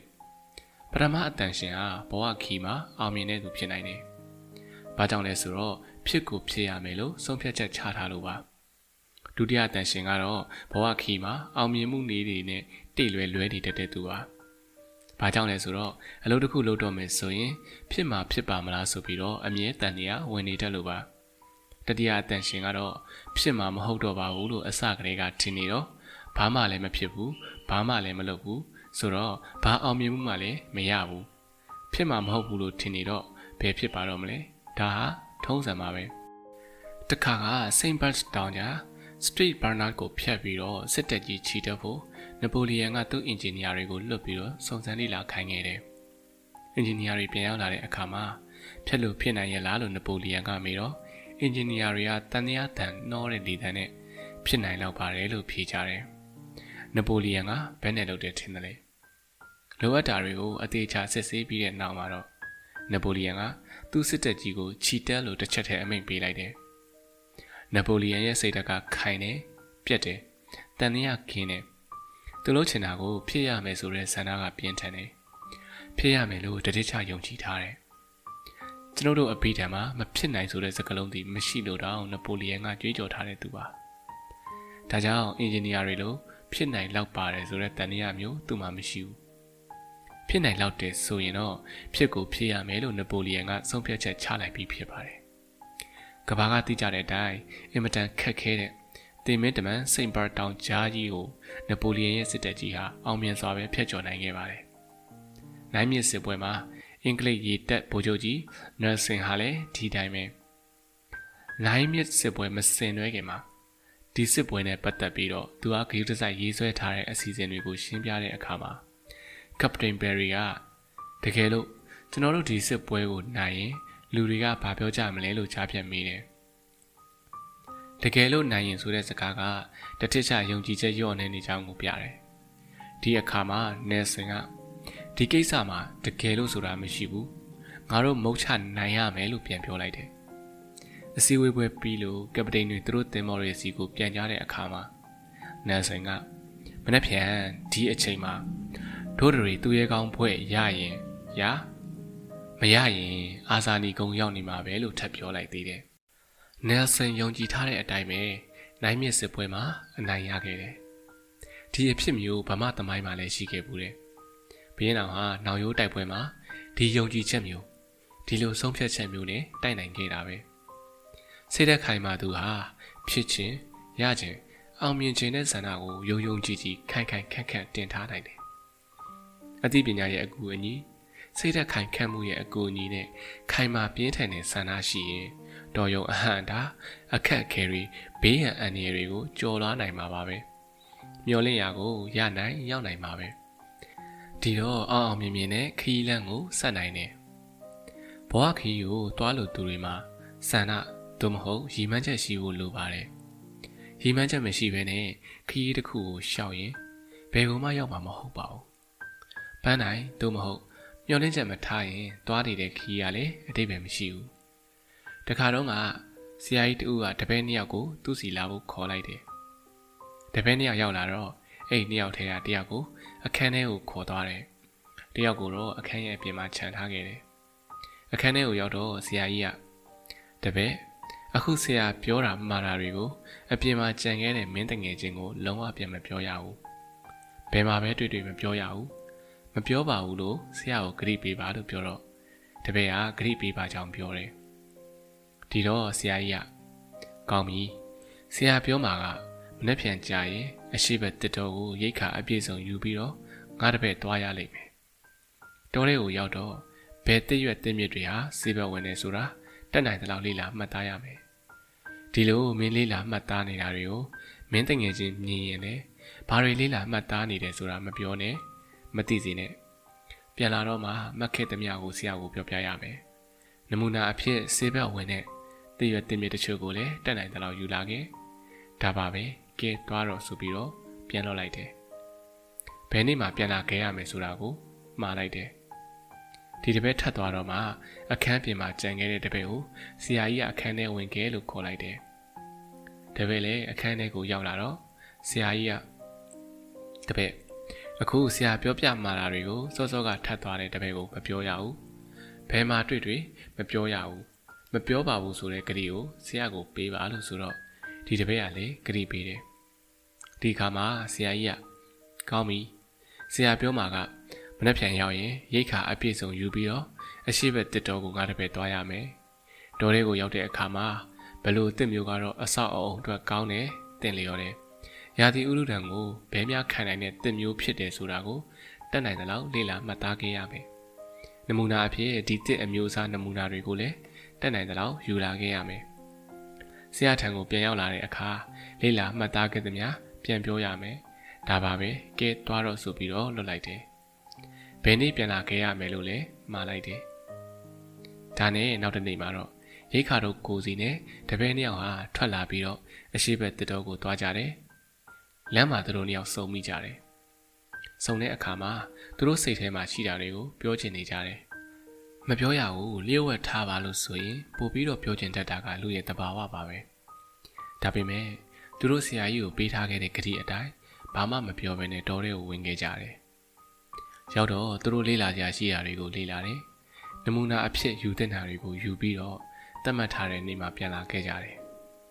ဆရာကြီးကသူတို့နှစ်ယောက်ကိုတခြားတပည့်တွေနဲ့အတူစီးကြိုနေတယ်မောပန်းလာတဲ့သူတို့နှစ်ဦးကိုဆရာကြီးကရေမှုချိုးခိုင်းအနားယူခိုင်းပြီးတော့ထမင်းကောင်းကောင်းကျွေးမွေးတယ် ညဘက်ကိုရောက်လာတဲ့အခါမှာတော့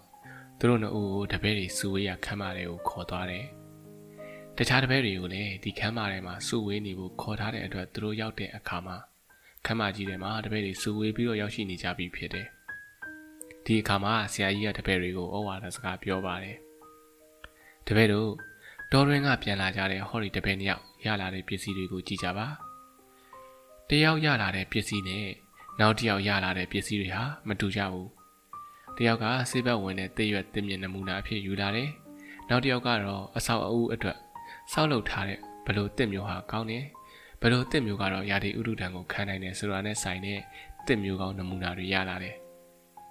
ဆရာဟာသူတို့ထူးချွန်နိုင်တဲ့ဘက်ကိုကြည့်ပြီးတော့အခုလိုလေ့လာစုဆောင်းခဲ့ဖို့စေတော့လိုက်တာပဲစေလုပ်ခဲ့တဲ့အတိုင်းလည်းအင်မတန်အသုံးဝင်အကျိုးများတဲ့မှတ်တမ်းတွေရခဲ့ကြတယ်နမူနာပစ္စည်းတွေကိုလည်းစုဆောင်းလာနိုင်ခဲ့ကြတယ်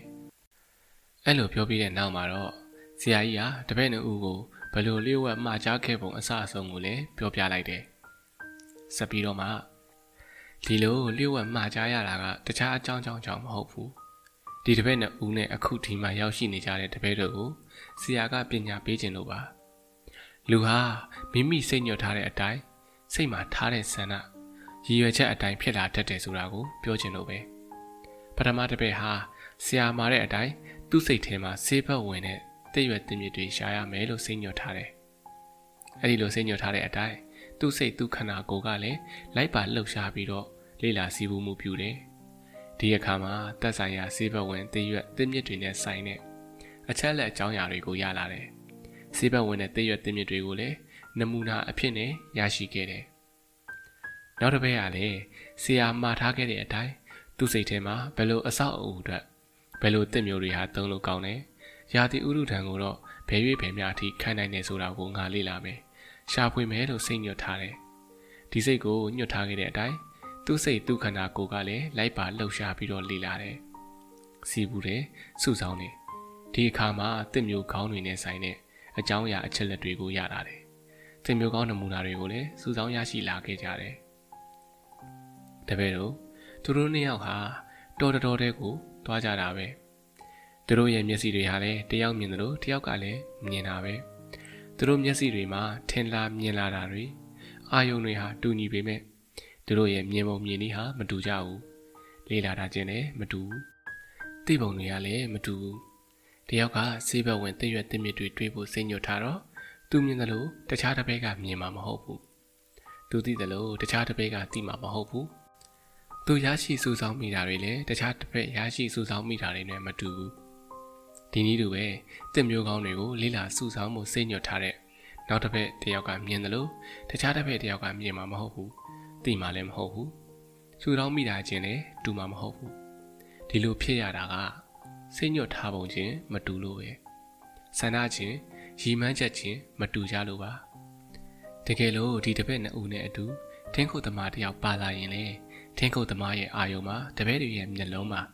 မြင်တဲ့အာယုံတွေထင်တယ်လို့ထင်နေမှာပဲမြင်မှာပဲဒါပေမဲ့ထင်းခုတ်သမားရဲ့အမြင်ဟာတပည့်တွေရဲ့မြင်ပုံတော့မတူဘူး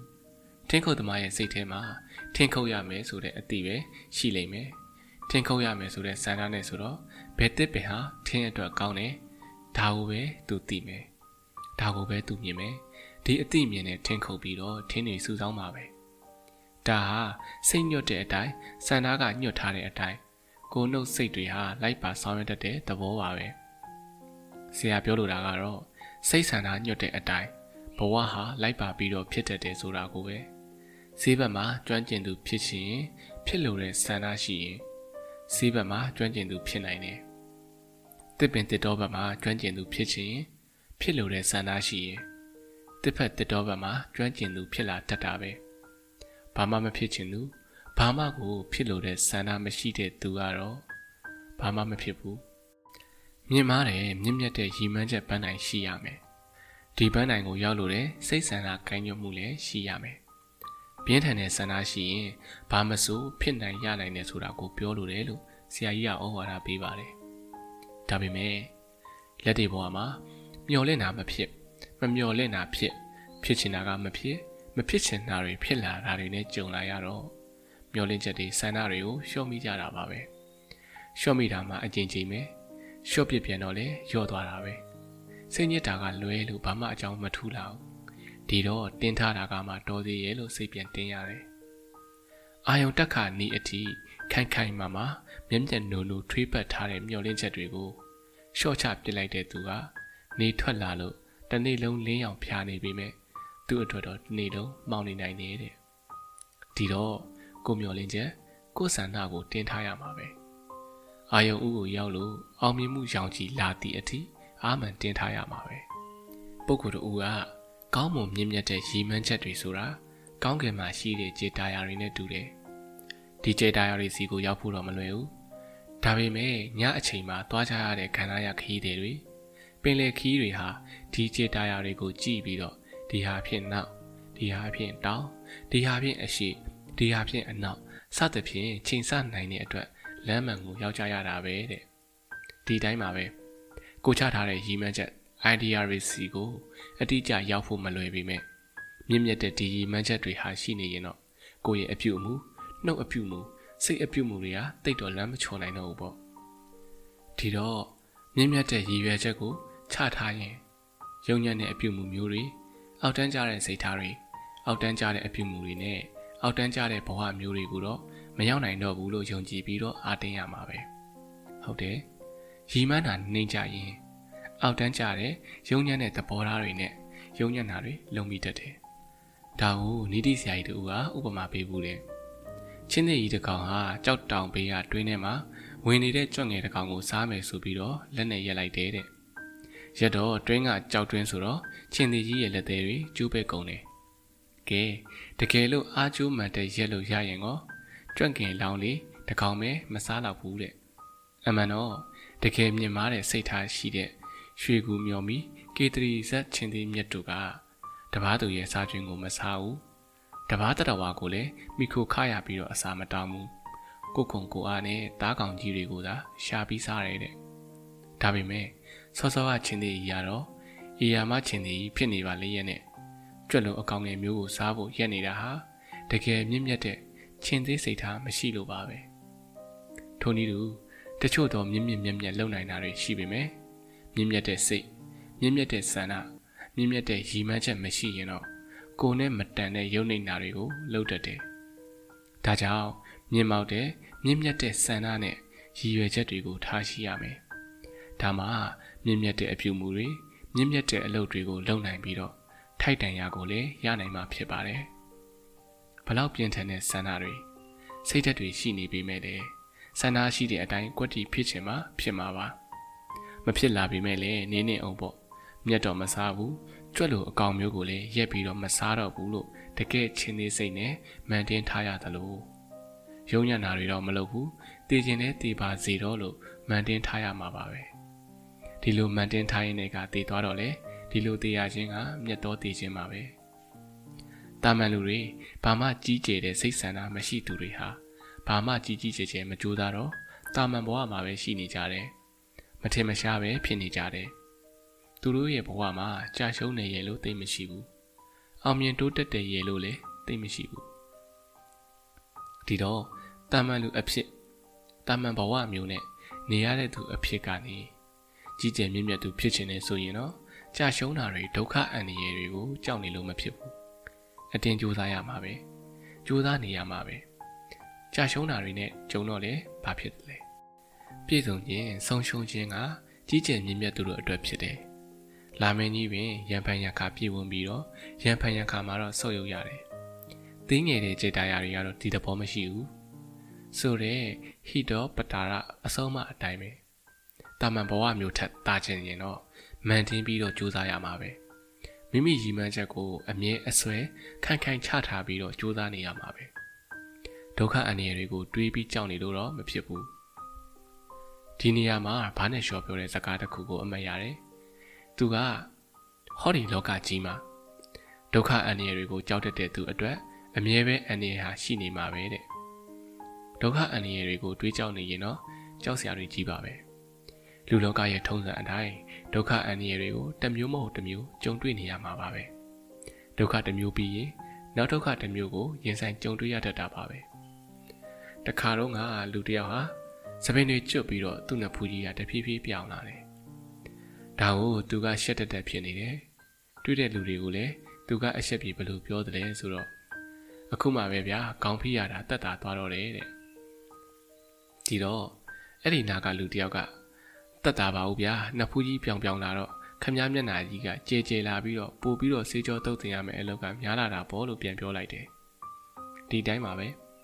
တစ်ဖက်ဖက်ကဒုက္ခတက်တာသွားရင်အန္တရာယ်ရှင်းသွားရင်နောက်တစ်ဖက်မှာတော့ဒုက္ခတစ်မျိုးမျိုးရှိနေနိုင်တာပါပဲအန္တရာယ်တစ်မျိုးမျိုးရှိနေနိုင်တာပဲဒါဟာလူဘဝလူလောကရဲ့ထုံးစံပါပဲဒီဘက်ကအလုတ်ကအခုတက်တာသွားရင် နောက်လို့တစ်ခုလုပ်ဖို့ရှိလာမှာပဲ ဒီဘက်ကတာဝန်တစ်ခုနည်းသွားရင်နောက်တာဝန်တစ်ခုကပိုလာအောင်မှာပါပဲဒါတွေကိုကြောက်နေလို့ရှောင်ပြေးနေရင်လည်းနောက်တနေရာမှာဒီချက်ပိုဆိုးတာတွေနဲ့ကြုံတွေ့လာတတ်ပြန်တာပဲ။ငငယ်ကပညာသင်ရမှာကိုပြင်းလို့ကြောက်လို့ရှောင်ပြေးနေတဲ့သူဟာခဏတော့တတ်တာတလို့လိုပါပဲဒါပေမဲ့တနေ့နေ့တစ်ချိန်ချိန်မှာပညာမရှိလို့အလုံးမရှိဖြစ်တာမျိုးတွေအမျောအမြင်တုံးသွားလို့မလုတ်တတ်မကင်တတ်နဲ့ပင်ပင်ပန်းပန်းလောက်ကင်စားတော့ရပြီးတော့ ဆင်းရဲဒုက္ခကြုံတတ်တာမျိုးပေါ့ဒီတော့လှုပ်ရှားရှိတာကိုလှုပ်တဲ့လှုပ်ထိုက်တာကိုတော့လုံနေရမှာပါပဲဒီနေရာမှာစာရေးဆရာကြီး must try နဲ့သူ့အိမ်ပေါ်တပည့်အကြောင်းကိုလည်းအမှတ်ရမိပါတယ်တမနက်မှာ Max Dry ကအပြင်ကိုသွားဖို့အဝတ်စားလဲပြီးတော့ဖက်နှက်စီမယ်လို့တော့ဖက်နှက်မှာရွှွနေပေးကြနေတာကိုတွေ့လိုက်ရတယ်။ဒါနဲ့သူ့အိမ်ပေါ်တပည့်ကိုဘာလို့ဖက်နှက်ကိုမနေ့ကတိုက်ချော့မထားတာလဲလို့မေးလိုက်တယ်။ဒီတော့အိမ်ပေါ်တပည့်လေးကပြန်ပြောတယ်။ တိုက်ချော့ထားလဲအလကားပေါ့ဆရာ။ဒီလိုဆွဆွတဲ့ຢာဒီမှာဆရာအပြင်ထွက်သွားလို့ခဏကြာရင်ဖက်နှက်ကရွှွန့်ထပ်ပေးလာအောင်ပါပဲတဲ့။သူ့သဘောကတော့ဖက်နှက်ကိုအခုတိုက်ချော့ထားလဲခဏကြာရင်ရှုံနေပေးလာမှာပဲရှုံပေးလာမဲ့အတူတူအခုတိုက်ချော့ထားလဲအလက်ကားပဲအချင်းကြီးပဲဆိုတဲ့သဘောပေါ့အဲ့ဒီနေ့မှာပဲညသာစားကြရောက်တော့မတ်စတိုင်းရဲ့တပည့်ကျော်ဟာညသာစားဖို့ထမင်းစားကန်ထဲကိုဝင်လာခဲ့တယ်ဒါပေမဲ့ထမင်းစပွဲပေါ်မှာ သူစားဖို့ဆိုလို့ဘာမှမကြံဘူးဒီတော့သူကမတ်စတိုင်းစီကိုတွားပြီးတော့ဘာကြောင့်သူစားဖို့ချမ်းမထားတဲ့အကြောင်းကိုမေးတယ်ဒီတော့မတ်စတိုင်းကပြန်ပြောတယ်စားပြီးလေတော်တော်ကြာရင်မင်းပြန်စားအောင်မှာပဲမဟုတ်လားဒီတော့နောက်တစ်ခါစားမဲ့အတူတူထမင်းစားနေလေအလက်ကားပါပဲလို့ထင်လို့ကွာလို့ပြန်ပြောလိုက်တယ်ကျွန်တော်တို့တွေဟာနေရာများစွာမှာပဲအိုဒါလုံနေလဲမထူပါဘူးလုံနေလဲအပိုပဲဘာမှဖြစ်လာမှာမဟုတ်ပါဘူး စသဖြင့်သဘောတွေးမိတတ်ကြတယ်ဒီသဘောထားမျိုးရှိနေရင်တွန့်ဆုတ်ခြင်းတွေဖြစ်ပြီးတော့ဘာမှစူးစမ်းခြင်းစိတ်မှန်တက်ပြီးတော့မလုပ်ဖြစ်တော့ဘူးဘာတိုးတက်မှုမှလည်းရလာမှာမဟုတ်ဘူးဆိုတာသိကြပါတယ်။ဒါကြောင့်ဘလို့အခက်ခဲနဲ့မပြေလည်တာတွေပဲကြုံကြုံဖြစ်လို့ရလို့ဖြစ်ချင်ရချင်တဲ့ဆန္ဒကိုမလျှော့ပဲမှန်တင်းရင်လှုပ်တင်လှုပ်ထိုက်တာကိုတော့မတွန့်မဆုတ်လုပ်နေရမှာပဲဖြစ်ပါတယ်။ခခရောင်းလန်းကိုဖျက်ကျော်ခြင်း နန္ဒာသိန်းစံအခန်းလေးအပြုတ်မူကောင်းတို့အတွက်ရည်မှန်းချက်မြင့်မြတ်တဲ့စိတ်ဆန္ဒမြင့်မြတ်တဲ့ရည်မှန်းချက်ရှိခြင်းကအကျင့်စရိုက်ကောင်းရှိဖို့အကျင့်သီလကောင်းရှိဖို့အတွက်အထောက်အကူတွေအများကြီးပေးတယ်လို့ဆိုနိုင်ပါတယ်ပုဂ္ဂိုလ်တူကမြင့်မြတ်တဲ့ရည်မှန်းချက်ရှိခြင်းဟာအကျင့်စရိုက်ကောင်းဖြစ်ပေါ်လာဖို့အတွက်အခြေခံဖြစ်တယ်ဒါကြောင့်လူငယ်လူရွယ်တွေကိုအကျင့်စရိုက်ကောင်းရှိကြပါလို့ပြောနေမယ့်အစား မြင့်မြတ်တဲ့ရည်မှန်းချက်ဆိုတာဟာဘလို့ရည်မှန်းချက်မျိုးဖြစ်တယ်ဒီလိုရည်မှန်းချက်မျိုးကိုရအောင်ဘလို့ပြင်းပြတဲ့ဆန္ဒရှိတဲ့နေဆိုတာကိုညွှန်ပြပေးဖို့လဲလိုတယ်တဲ့အောက်တန်းကြတဲ့စိတ်ဆန္ဒတွေရှိနေရင်အောက်တန်းကြတဲ့အပြုမှုတွေအောက်တန်းကြတဲ့အလုပ်တွေကိုလုပ်နေမှာပါပဲခိုးစားမယ်လို့ရည်ရွယ်ထားရင်ခိုးမယ်တခိုးဖြစ်မယ်ပေါ့အချောင်ခိုမယ်ရေးသားခိုမယ်ဆိုတဲ့စိတ်ထားထားနေရင်အချောင်ခိုမှာပဲ ရေးသားခိုနေမိမှာပါပဲတခါတော့ကအာဖရိကရွာတရွာမှာရွာကြီးကဲပုဂ္ဂိုလ်ကသူ့ရွာကရွာသားတွေကိုမိမိအိမ်မှာအခမ်းပွဲတစ်ခုလုပ်ဖို့တွေ့ဆုံဖို့စိတ်ကူးရလိုက်တယ်ဒီအခမ်းပွဲလုပ်တဲ့အခါမှာစုပေါင်းညီညွတ်ခြင်းရှိရင်ပျော်ရွှင်မှုရနိုင်ကြောင်းရည်ရွယ်တဲ့အစီအစဉ်တစ်ခုထည့်သွင်းဖို့လည်းအကြံရလိုက်တယ်ရွာကြီးကဲကထည့်သွင်းလို့တဲ့အစီအစဉ်ကဘယ်လိုလဲဆိုတော့မိမိအိမ်ကအခမ်းပွဲကိုရွာသားတွေတက်ရောက်လာကြတဲ့အခါမှာ ရွာသားတဦးလင်းထမ်းရည်တအုပ်ယူခဲ့ရမယ်။ရောက်တဲ့အခါအိမ်ရဲ့အရှိမအသင့်တည်ထားတဲ့အိုးကြီးတွေကိုယူလာတဲ့ထမ်းရည်တွေကိုလောင်းထည့်ခဲ့ရမယ်။ရွာသားတွေနဲ့တွေ့ဆုံပြီးတော့ပြောစရာဆိုစရာတွေပြောပြီးရင်ဒီအိုးကြီးတွေကထမ်းရည်တွေကိုရွာသားတွေနဲ့တပြောတပါစုပေါင်းပြီးတော့ထမ်းရည်တောက်ပွဲကြီးလုပ်မယ်ဆိုတဲ့အစီအစဉ်ပါပဲ။ဒါနဲ့အဲ့ဒီအစီအစဉ်အတိုင်းရွာသားတွေကိုဖိတ်ဖို့ရွာကြီးကဲကသူ့တပည့်ကိုလွှတ်လိုက်တယ်။ ချင်းဆိုထားတဲ့ရက်မှာရွာသားတွေဟာထန်းရီအိုကိုစီနဲ့လာခဲ့ကြတယ်။ရွာကြီးကဲရဲ့အိမ်ကိုလည်းရောက်ရောအစီအစဉ်အတိုင်းအိမ်ရှိကအိုးကြီးတွေကိုထန်းရီတွေလောင်းထည့်ကြတယ်။ဒါပေမဲ့ရွာသားတူကတော့အခန့်ပွဲကိုတွားချင်ပေမဲ့ထန်းရီမရှိဘူးဖြစ်နေတယ်။သူမိမကသူ့ကိုတခြားမှာထန်းရီတောင်းလို့အကြံပေးတယ်။ဒါပေမဲ့သူကမဝယ်ချင်ဘူး။အဲ့တော့သူကစဉ်းစားလိုက်တယ်။ရွာသားတွေအများကြီးဟာအိုးကြီးတွေကိုထန်းရည်တွေလောင်းထည့်ကြမှာပဲ ဒီလောက်များရဲ့ထန်းရည်တွေထဲမှာရေတအိုးလောက်ထည့်လိုက်ရုံနဲ့တော့ထန်းရည်အရာသာမပြတ်နိုင်ပါဘူးလို့စဉ်းစားတယ်ငါတော့အိုးတွေကိုရေတွေထည့်ယူသွားမယ်ဟိုရောက်တော့အိုးကြီးတွေကိုမတိမတာလောင်းထည့်လိုက်မယ်လို့ကြံလိုက်တယ်အဲ့ဒီလိုကြံပြီးတော့အိုးတိုးထဲမှာရေတွေထည့်ထည့်ပြီးတော့အခန့်ပွဲစီကိုထွက်လာခဲ့တယ်အကြီးကဲရဲ့အိမ်ကိုလည်းရောက်တော့အိမ်ရှိကအိုးကြီးတွေကိုဟန်နဲ့ပန်နဲ့သူများတွေနဲ့ရောပြီးတော့သူ့အိုရဲရည်တွေလောင်းထည့်လိုက်တယ်။ သူ့လုပ်ပုံကိုသူများတွေမသိဘူးထင်ပြီးတော့လည်းကြည်နက်နေတယ်။ဒီလိုရည်တွေလောင်းထည့်ပြီးတော့တခြားရွာသားတွေနဲ့ရောရောင်ထိုင်ပြီးတော့အကြီးကဲနဲ့စကားတွေပြောနေလိုက်တယ်။ပြောကြဆိုစရာတွေပြီးဆုံးတဲ့အခါမှာတော့ရွာကြီးကဲကကြွားရောက်လာတဲ့ပြည်သက်များခမညာအိုးကြီးတွေကထန်းကြီးတွေကိုတပြောတပြားတောက်ကြစို့လို့ပြောလိုက်တယ်။စောစောကရွာသားဟာလည်းကိုယ်တိုင်ကထန်းရည်ယူမလာခဲ့ပေမဲ့ သူများတွေယူလာတဲ့ထန်းရည်ကိုအချောင်ငါတောက်ရတော့မှပဲဆိုပြီးတော့ပါဇက်တပြင်းပြင်းဖြစ်နေတယ်။ဒါနဲ့ရွာသားတွေအိုးအီနာကိုသွားပြီးတော့ထန်းရည်တောက်ကြဖို့ခွက်တွေနဲ့အိုးအီတဲ့ကိုနှိုက်လိုက်တဲ့အခါမှာတော့အိုးအီတဲ့မှာအားလုံးဟာရေရီကြီးဖြစ်နေတာကိုတွေ့ရတယ်တဲ့။ဒီတော့မှရေရီယူလာပြီးတော့လောင်းထဲခဲ့ကြတဲ့ရွာသားကอืมငါလူလူတွေအများကြီးပါလားလို့စဉ်းစားမိလိုက်တယ်အချောင်ခိုခြင်းတဲ့စိတ်ရေးသားခိုခြင်းတဲ့စိတ်တွေနဲ့ ခိုတယောက်ကအချောင်ခိုဒီတယောက်ကဒီလောက်ကလေးကတော့မဖြစ်တော့ပါဘူးဆိုပြီးတော့အများပိုင်ပစ္စည်းတွေကိုမတိမတာသုံးမိဟိုတယောက်ကလည်းအာကလီလိုက်စားနဲ့လုံမိကြမယ်ဆိုရင်ဒီလိုလှုပ်တဲ့သူတွေများလာတဲ့အခါမှာလူအဖွဲ့အစည်းတစ်ခုလုံးပျက်စီးသွားနိုင်တာပါပဲဒီနေရာမှာတိုက်တဲ့ဆိုတဲ့ပုံကိုပြောထားတဲ့စကားတစ်ခုကိုအမှတ်ရမိတယ်သူကရောမအင်ပါယာကြီးရှော့ချပျက်စီးသွားရတာဟာအစာရည်သာခေါင်းပါချို့တဲ့လို့လည်းမဟုတ်ဘူး ပြင်ပကရန်သူတွေဝင်ရောက်တိုက်ခိုက်လို့လည်းမဟုတ်ဘူးတကယ်အကြောင်းရင်းကပြည်သူပြည်သားတွေအကျင့်စာရိတ္တပျက်စီးသွားကြလို့ပဲတဲ့အများအားဖြင့်တော့အကျင့်စာရိတ္တကောင်းတဲ့သူတွေဖြစ်ချင်းဖြစ်ကြမှာပါပဲငါဟာအကျင့်စရိုက်ကောင်းသူဖြစ်အောင်နေမယ်လို့ဆုံးဖြတ်တော့ထားတာပဲဒါပေမဲ့စိတ်ဆန္ဒတွေကမပြင်းထန်တော့အကျင့်စာရိတ္တပြက်ပြားစရာအခြေအနေတစ်ခုနဲ့ကြုံလာတဲ့အခါမှာပြက်ပြားသွားပြန်တာပဲ မပြည့်စုံတဲ့သူကလည်းမပြည့်စုံတဲ့အတွက်အကျင့်ကိုဖောက်ပြားတယ်ပြည့်စုံတဲ့သူကလည်းပိုပြီးပြည့်စုံချင်တာကြောင့်အကျင့်ကိုဖောက်ပြားမိတယ်တခါတော့ကဂင်ကမြစ်ဘေးမှာကြောက်ဖြာပေါ်မှာနေနေတဲ့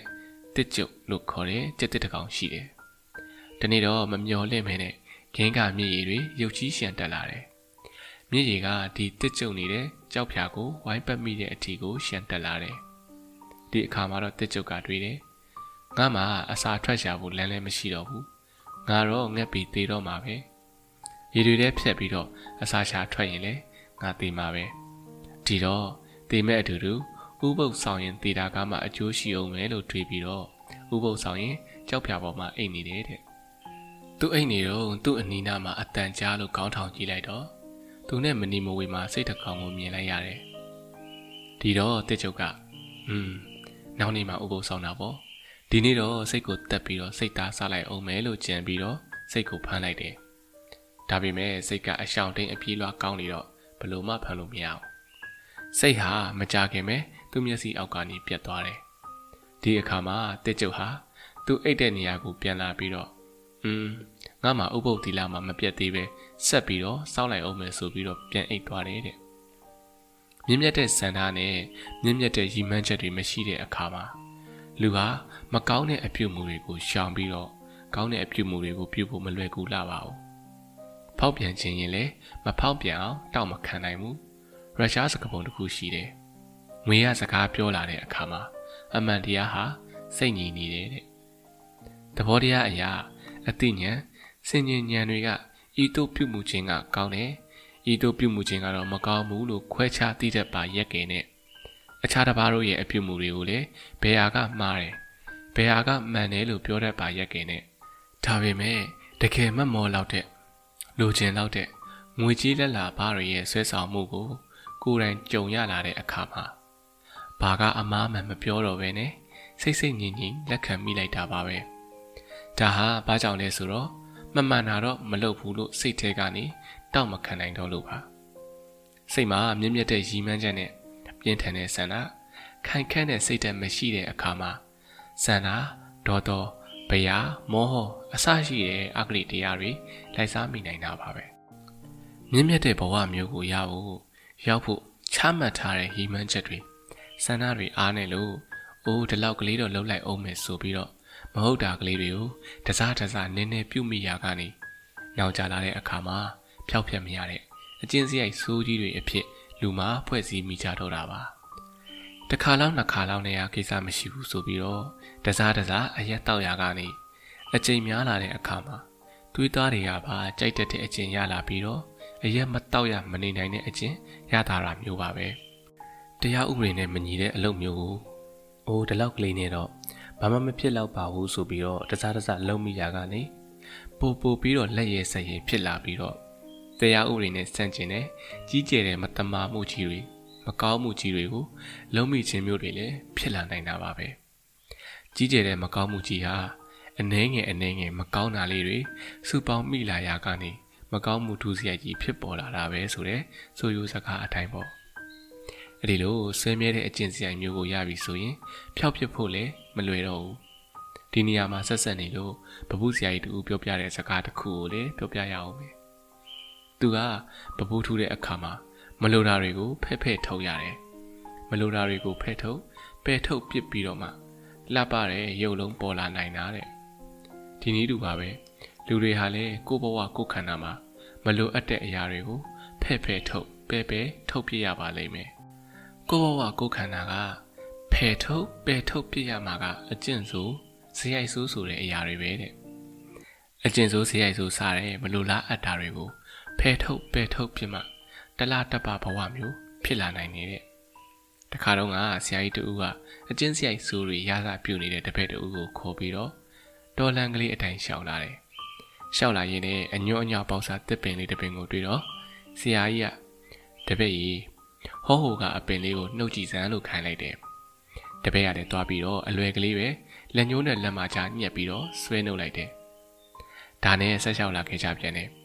မကြခင်အတော်ကလေးအမြင့်ခိုင်ခိုင်တွေ့မိနေပြီဖြစ်တဲ့တစ်ပင်ငယ်တစ်ပင်ကိုတွေ့လိုက်တယ်အဲ့ဒီအခါမှာလေဆရာကြီးကတပည့်ကြီးဟောဟိုကတစ်ပင်လေးကိုနှုတ်ပါအောင်လို့ခိုင်းတယ်တပည့်ကသွားပြီးနှုတ်တယ်လက်နှစ်ဖက်နဲ့တော်တော်ကလေးအားဆိုင်ပြီးနှုတ်လိုက်တော့တစ်ပင်ငယ်ကအမြင့်ကျွတ်ပြီးတော့ပါလာတယ်ဆဆရာတပည့်နှစ်ယောက်ကဆက်ပြီးတော့ရှောက်လာခဲ့ကြပြန်တယ်ရှောက်လာရင်လည်းတပည့်လူငယ်ကဘာမှအတုံးမချပဲနဲ့သူ့ကိုတစ်ပင်ဆွဲနှုတ်ခိုင်းနေတာ ငါဆရာကြီးစိတ်တွေမှာမှန်သေးရလားလို့တွေးလာတယ်မကြခင်မှာပဲလူတယောက်တစ်ဖက်စာလောက်ရှိတဲ့လုံးပတ်ရှိတဲ့တစ်ပင်ကြီးကိုတွေးလိုက်ရတယ်အဲ့ဒီခါမှာလည်းဆရာကြီးကတပည့်ကြီးဟောဟူကတစ်ပင်ကြီးကိုနှုတ်ဆက်ပါအောင်လို့ခိုင်းပြန်တယ်နှုတ်လို့မရမှန်းသိပေမဲ့ဆရာကြီးကခိုင်းနေတော့တပည့်လူငယ်ကလက်နှစ်ဖက်နဲ့တစ်ပင်ကြီးကိုပိုက်ဖက်ပြီးတော့တအားနှုတ်တယ်ချွေးတီးတီးတာကြာသွားတယ်တစ်ပင်ကြီးကတော့တုတ်တုတ်တောင်မလုပ်တော့ဘူးဒီတော့မှဆရာကြီးကတပည့်ကြီး မင်းကိုဆရာကအเจ้าမဲ့တစ်ပင်တွေနှုတ်ခိုင်းနေတာမဟုတ်ဘူးတစ်ပင်တွေကိုတာတကထားပြီးတော့ပြောပြစရာရှိလို့ပါအချင်းစရိုက်ဆိုးတွေဆိုတာနှုတ်စဉ်အချိန်အချင်းစရိုက်ဆိုးတွေကိုမှဖြစ်လာကားစားအချိန်မှာနှုတ်ပယ်ပြစ်လို့ရတယ်နှုတ်ပယ်မပြစ်ဖဲနဲ့ဆက်ပြီးတော့အကျင့်ဆိုးတွေကိုကြီးပွားစေရင်တော့အထုထဲကြီးလာပြီးတော့တစ်ပင်ကြီးဖြစ်လာတော့နှုတ်မရတော့သလိုနှုတ်ပယ်ပြစ်ဖို့မဖြစ်နိုင်တော့ဘူး ဒီအခါမှာဘဝဟာဆုံးရှုံးပျက်စီးသွားနိုင်တယ်ဆိုတာကိုဆရာပြောချင်လို့ပဲလို့ရှင်းပြလိုက်တယ်ဟုတ်ပါတယ်အေးရမှာအခိုင်အခန့်တိုက်တာအဆောက်ဦးကြီးပေါ်မှာညောင်စီကလေးကြာလို့ပေါက်လာရတဲ့ညောင်ပင်ကလေးကိုစောစောစီစီနှုတ်ပယ်မပစ်ဖဲနဲ့ကြီးထွားအောင်ထားခဲ့ရင်ကြာလာတဲ့အခါမှာအမြင့်တွေကအုတ်ချားတဲ့ကိုတိုးဝင်ပြီးတော့အဆောက်အအုံကြီးကိုဖြိုပြစ်နိုင်တယ်လို့ပါပဲအကျဉ်းစရိုက်ဆိုးတွေဟာ ကြာရင်ဘဝတစ်ခုလုံးကိုဖြိုချဖျက်ဆီးနိုင်ပါတယ်ဒါကိုမျှော်မြင်ပြီးတော့အကျဉ်းစရိုက်ဆိုးတွေမဝင်အောင်ဝင်လာရင်လည်းနှုစဉ်ကနှုတ်ပင်နိုင်အောင်ကျွန်တော်တို့မှာအစင်မဲ့တတိရှိနေဖို့လိုတယ်လို့ထင်ပါတယ်ခရောင်းလန်းကိုဖျက်ကျော်ခြင်းနန္ဒာသိန်းဆန်အခန်းကကိုယ်ဝန်းကျင်ကိုပါစင်ကြယ်စေနိုင်သူမြင့်မြတ်တဲ့ရည်မှန်းချက်ပြင်းထန်တဲ့ဆန္ဒရှိမယ်ဆိုရင် မကောင်းတာတွေကိုပြုခြင်းကနေ ရှောင်ကျဉ်ရတဲ့ဇာရိတသီလတွေမှာလည်းခိုင်တီထက်ခိုင်စင်ကြယ်တီထက်စင်ကြယ်လာနိုင်ပါတယ်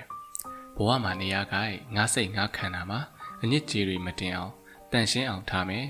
မြင့်မြတ်တဲ့စိတ်ထားရှိသူဖြစ်ရမယ်ဆိုတဲ့ရည်မှန်းချက်ရှိရင်သူတစ်ပါးအသက်ကိုမတော်မတရားမသက်ဖြစ်အောင်သူတစ်ပါးပစ္စည်းကိုမတရားအချောင်မခိုးယူမိအောင်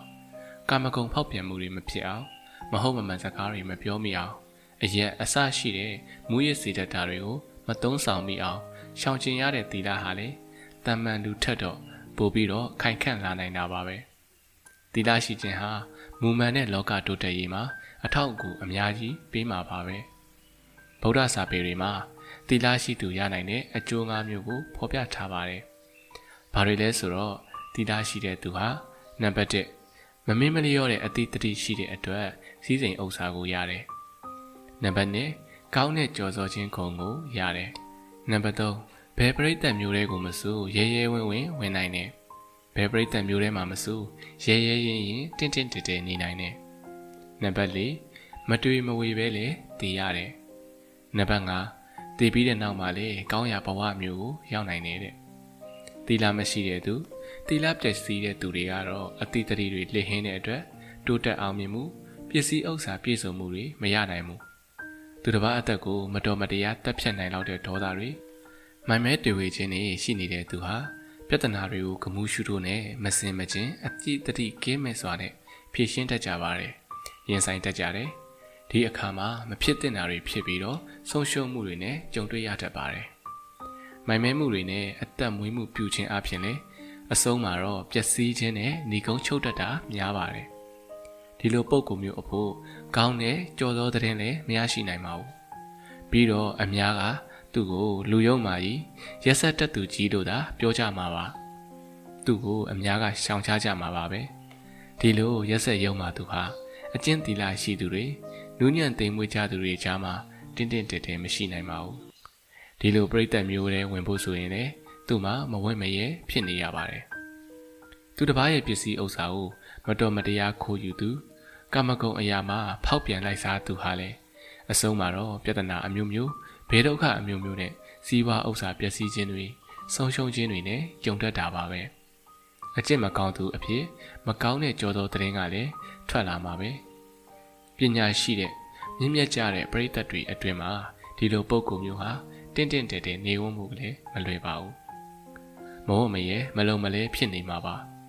မကောင်းခြင်းတွေပြုခဲ့ပြီးတော့ တစ်ချိန်မှာနောင်တတွေတလောကတွေနဲ့လည်းအကြည်တသာတည်လွန်ခြင်းလည်းမဖြစ်နိုင်ပါဘူးကောင်းတဲ့ဘဝကိုရဖို့ဆိုတာလည်းမလွယ်ဘူးမုဒ္ဒဝါဒအစရှိတဲ့မဟုတ်မမှန်စကားတွေအလိညာစကားတွေကိုပြောတတ်တဲ့သူကလည်းစီးပွားဥစ္စာကအစတိုးတက်ဖို့မလွယ်လာပါဘူးခိတ္တအဖြစ်လိန်လေလက်ပတ်ပြောလို့ပစ္စည်းဥစ္စာရအောင်ရလိမ့်မယ်ဒါပေမဲ့ရေရှည်မှာတော့မူမမှန်တဲ့သူ့အကျင့်တွေကြောင့်သူ့အကျိုးပြုနေတဲ့တခြားသူတွေဟာလည်း သူ့ကိုစွန့်ခွာသွားကြမှာပါပဲသူ့ပစ္စည်းဥစ္စာဆုပ်ယုပ်အောင်သူ့ကိုတဖန်ပြန်ပြီးတော့လိန်လေသူလည်းပေါ်ချင်းပေါ်လာနိုင်တာပဲမဟုတ်မမှန်တဲ့စကားတွေကိုပြောတဲ့အတွက်လူလိန်လူညာအဖြစ်မကောင်းတဲ့ကြော်သောသတင်းတွေလည်းထွက်လာမှာပဲဒီလူဟာဖြင့်တိတ်ပါတယ်လူ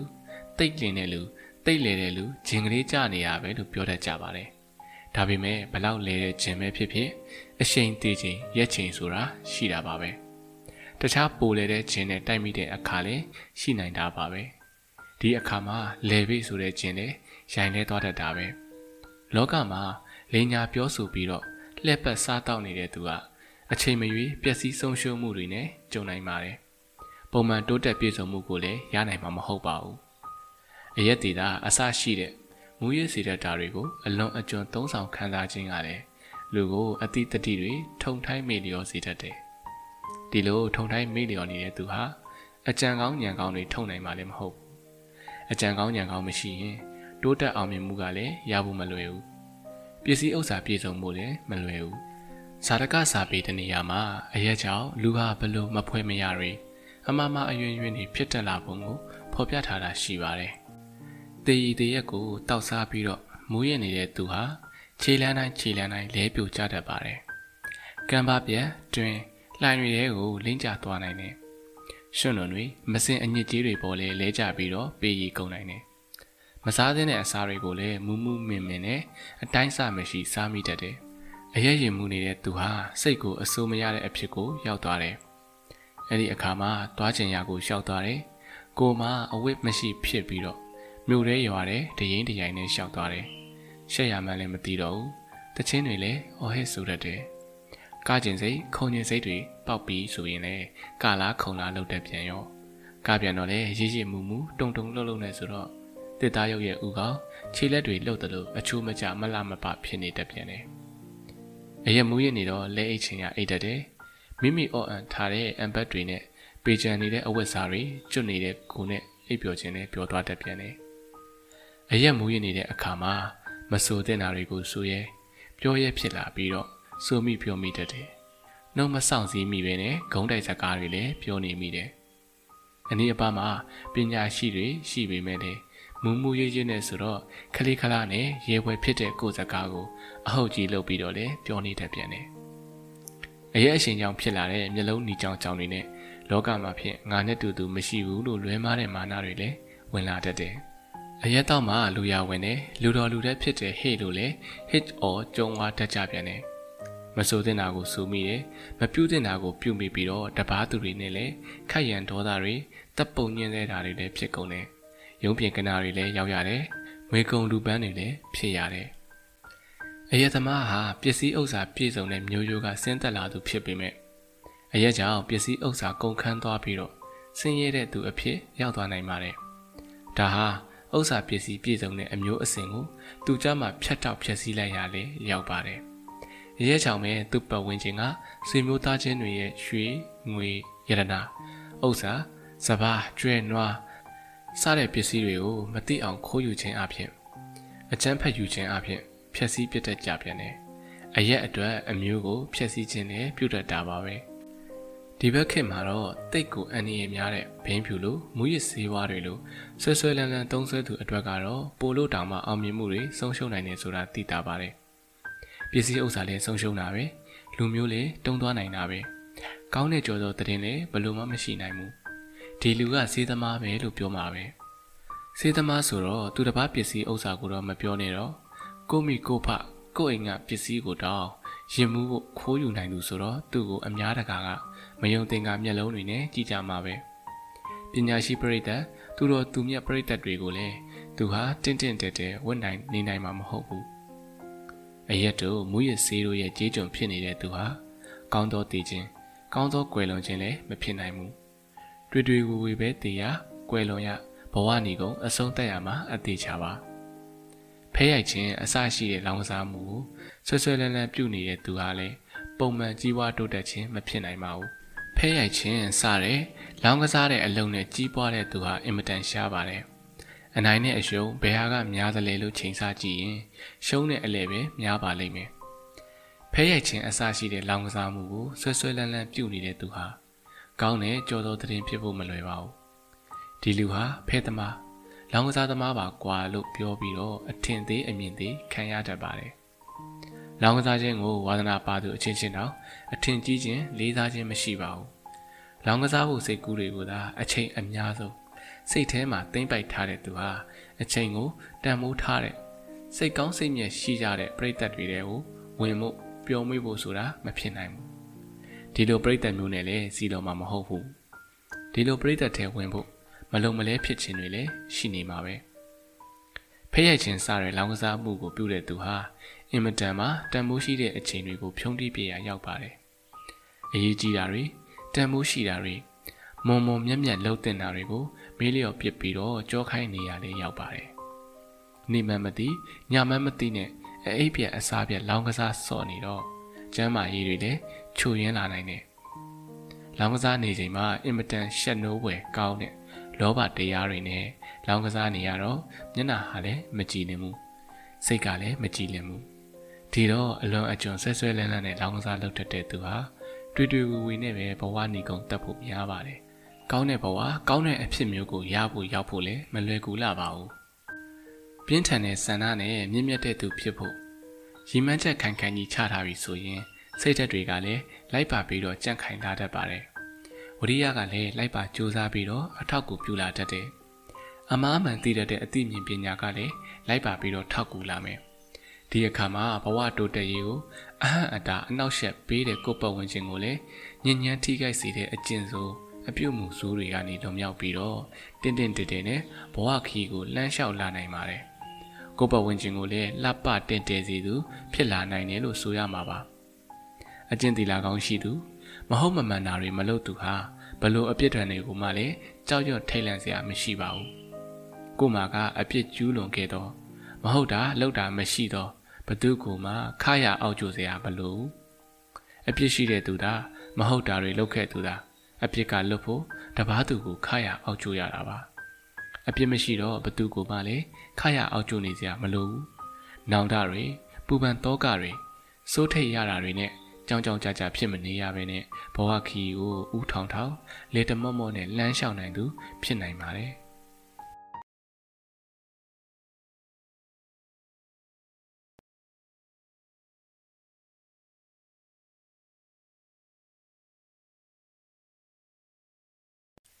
ခရောင်းလန်းကိုဖျက်ကျော်ခြင်းနန္နာသိန်းစံအခန်း6ပလဲကောင်းလို့တော့နက်နက်ငုတ်အသိပညာအမျှော်မြင်ကလည်းနေမယ်စိတ်ဓာတ်ကလည်းကျဆင်းမယ်ဆန္ဒတွေကလည်းမပြင်းထန်ဘူးဆိုရင်ကြိုးစားမှုဝရိယဟာလည်းကျဆင်းသွားမှာပဲဝရိယဆိုတာကရဲရင်ထက်မြက်ခြင်းလို့အနက်ထိပ်ပဲရတယ်တစုံတစ်ခုသောအလုပ်ကိုလုပ်တဲ့အခါမှာကိစ္စမပြီးမချင်း တွန့်ဆုတ်ခြင်းမရှိဘဲနဲ့လောက်ကင်ခြင်းသဘောရှိတယ်မတွန့်မဆုတ်ဘဲနဲ့ဝရိယနဲ့ထိုက်ထိုက်တန်တန်မကြိုးစားရင်ထိုက်တန်ရာကိုရဖို့မလွယ်ဘူးလို့ဆိုရမှာပဲ။ပစ္စည်းကောင်းကောင်းကိုလိုချင်ရင်တန်မိုးများများပေးရမှာပဲထိုက်ထိုက်တန်တန်အောင်မြင်မှုကိုရယူခြင်းနဲ့ဆိုရင်တော့များများစူးစမ်းမှုပေးရမှာပဲ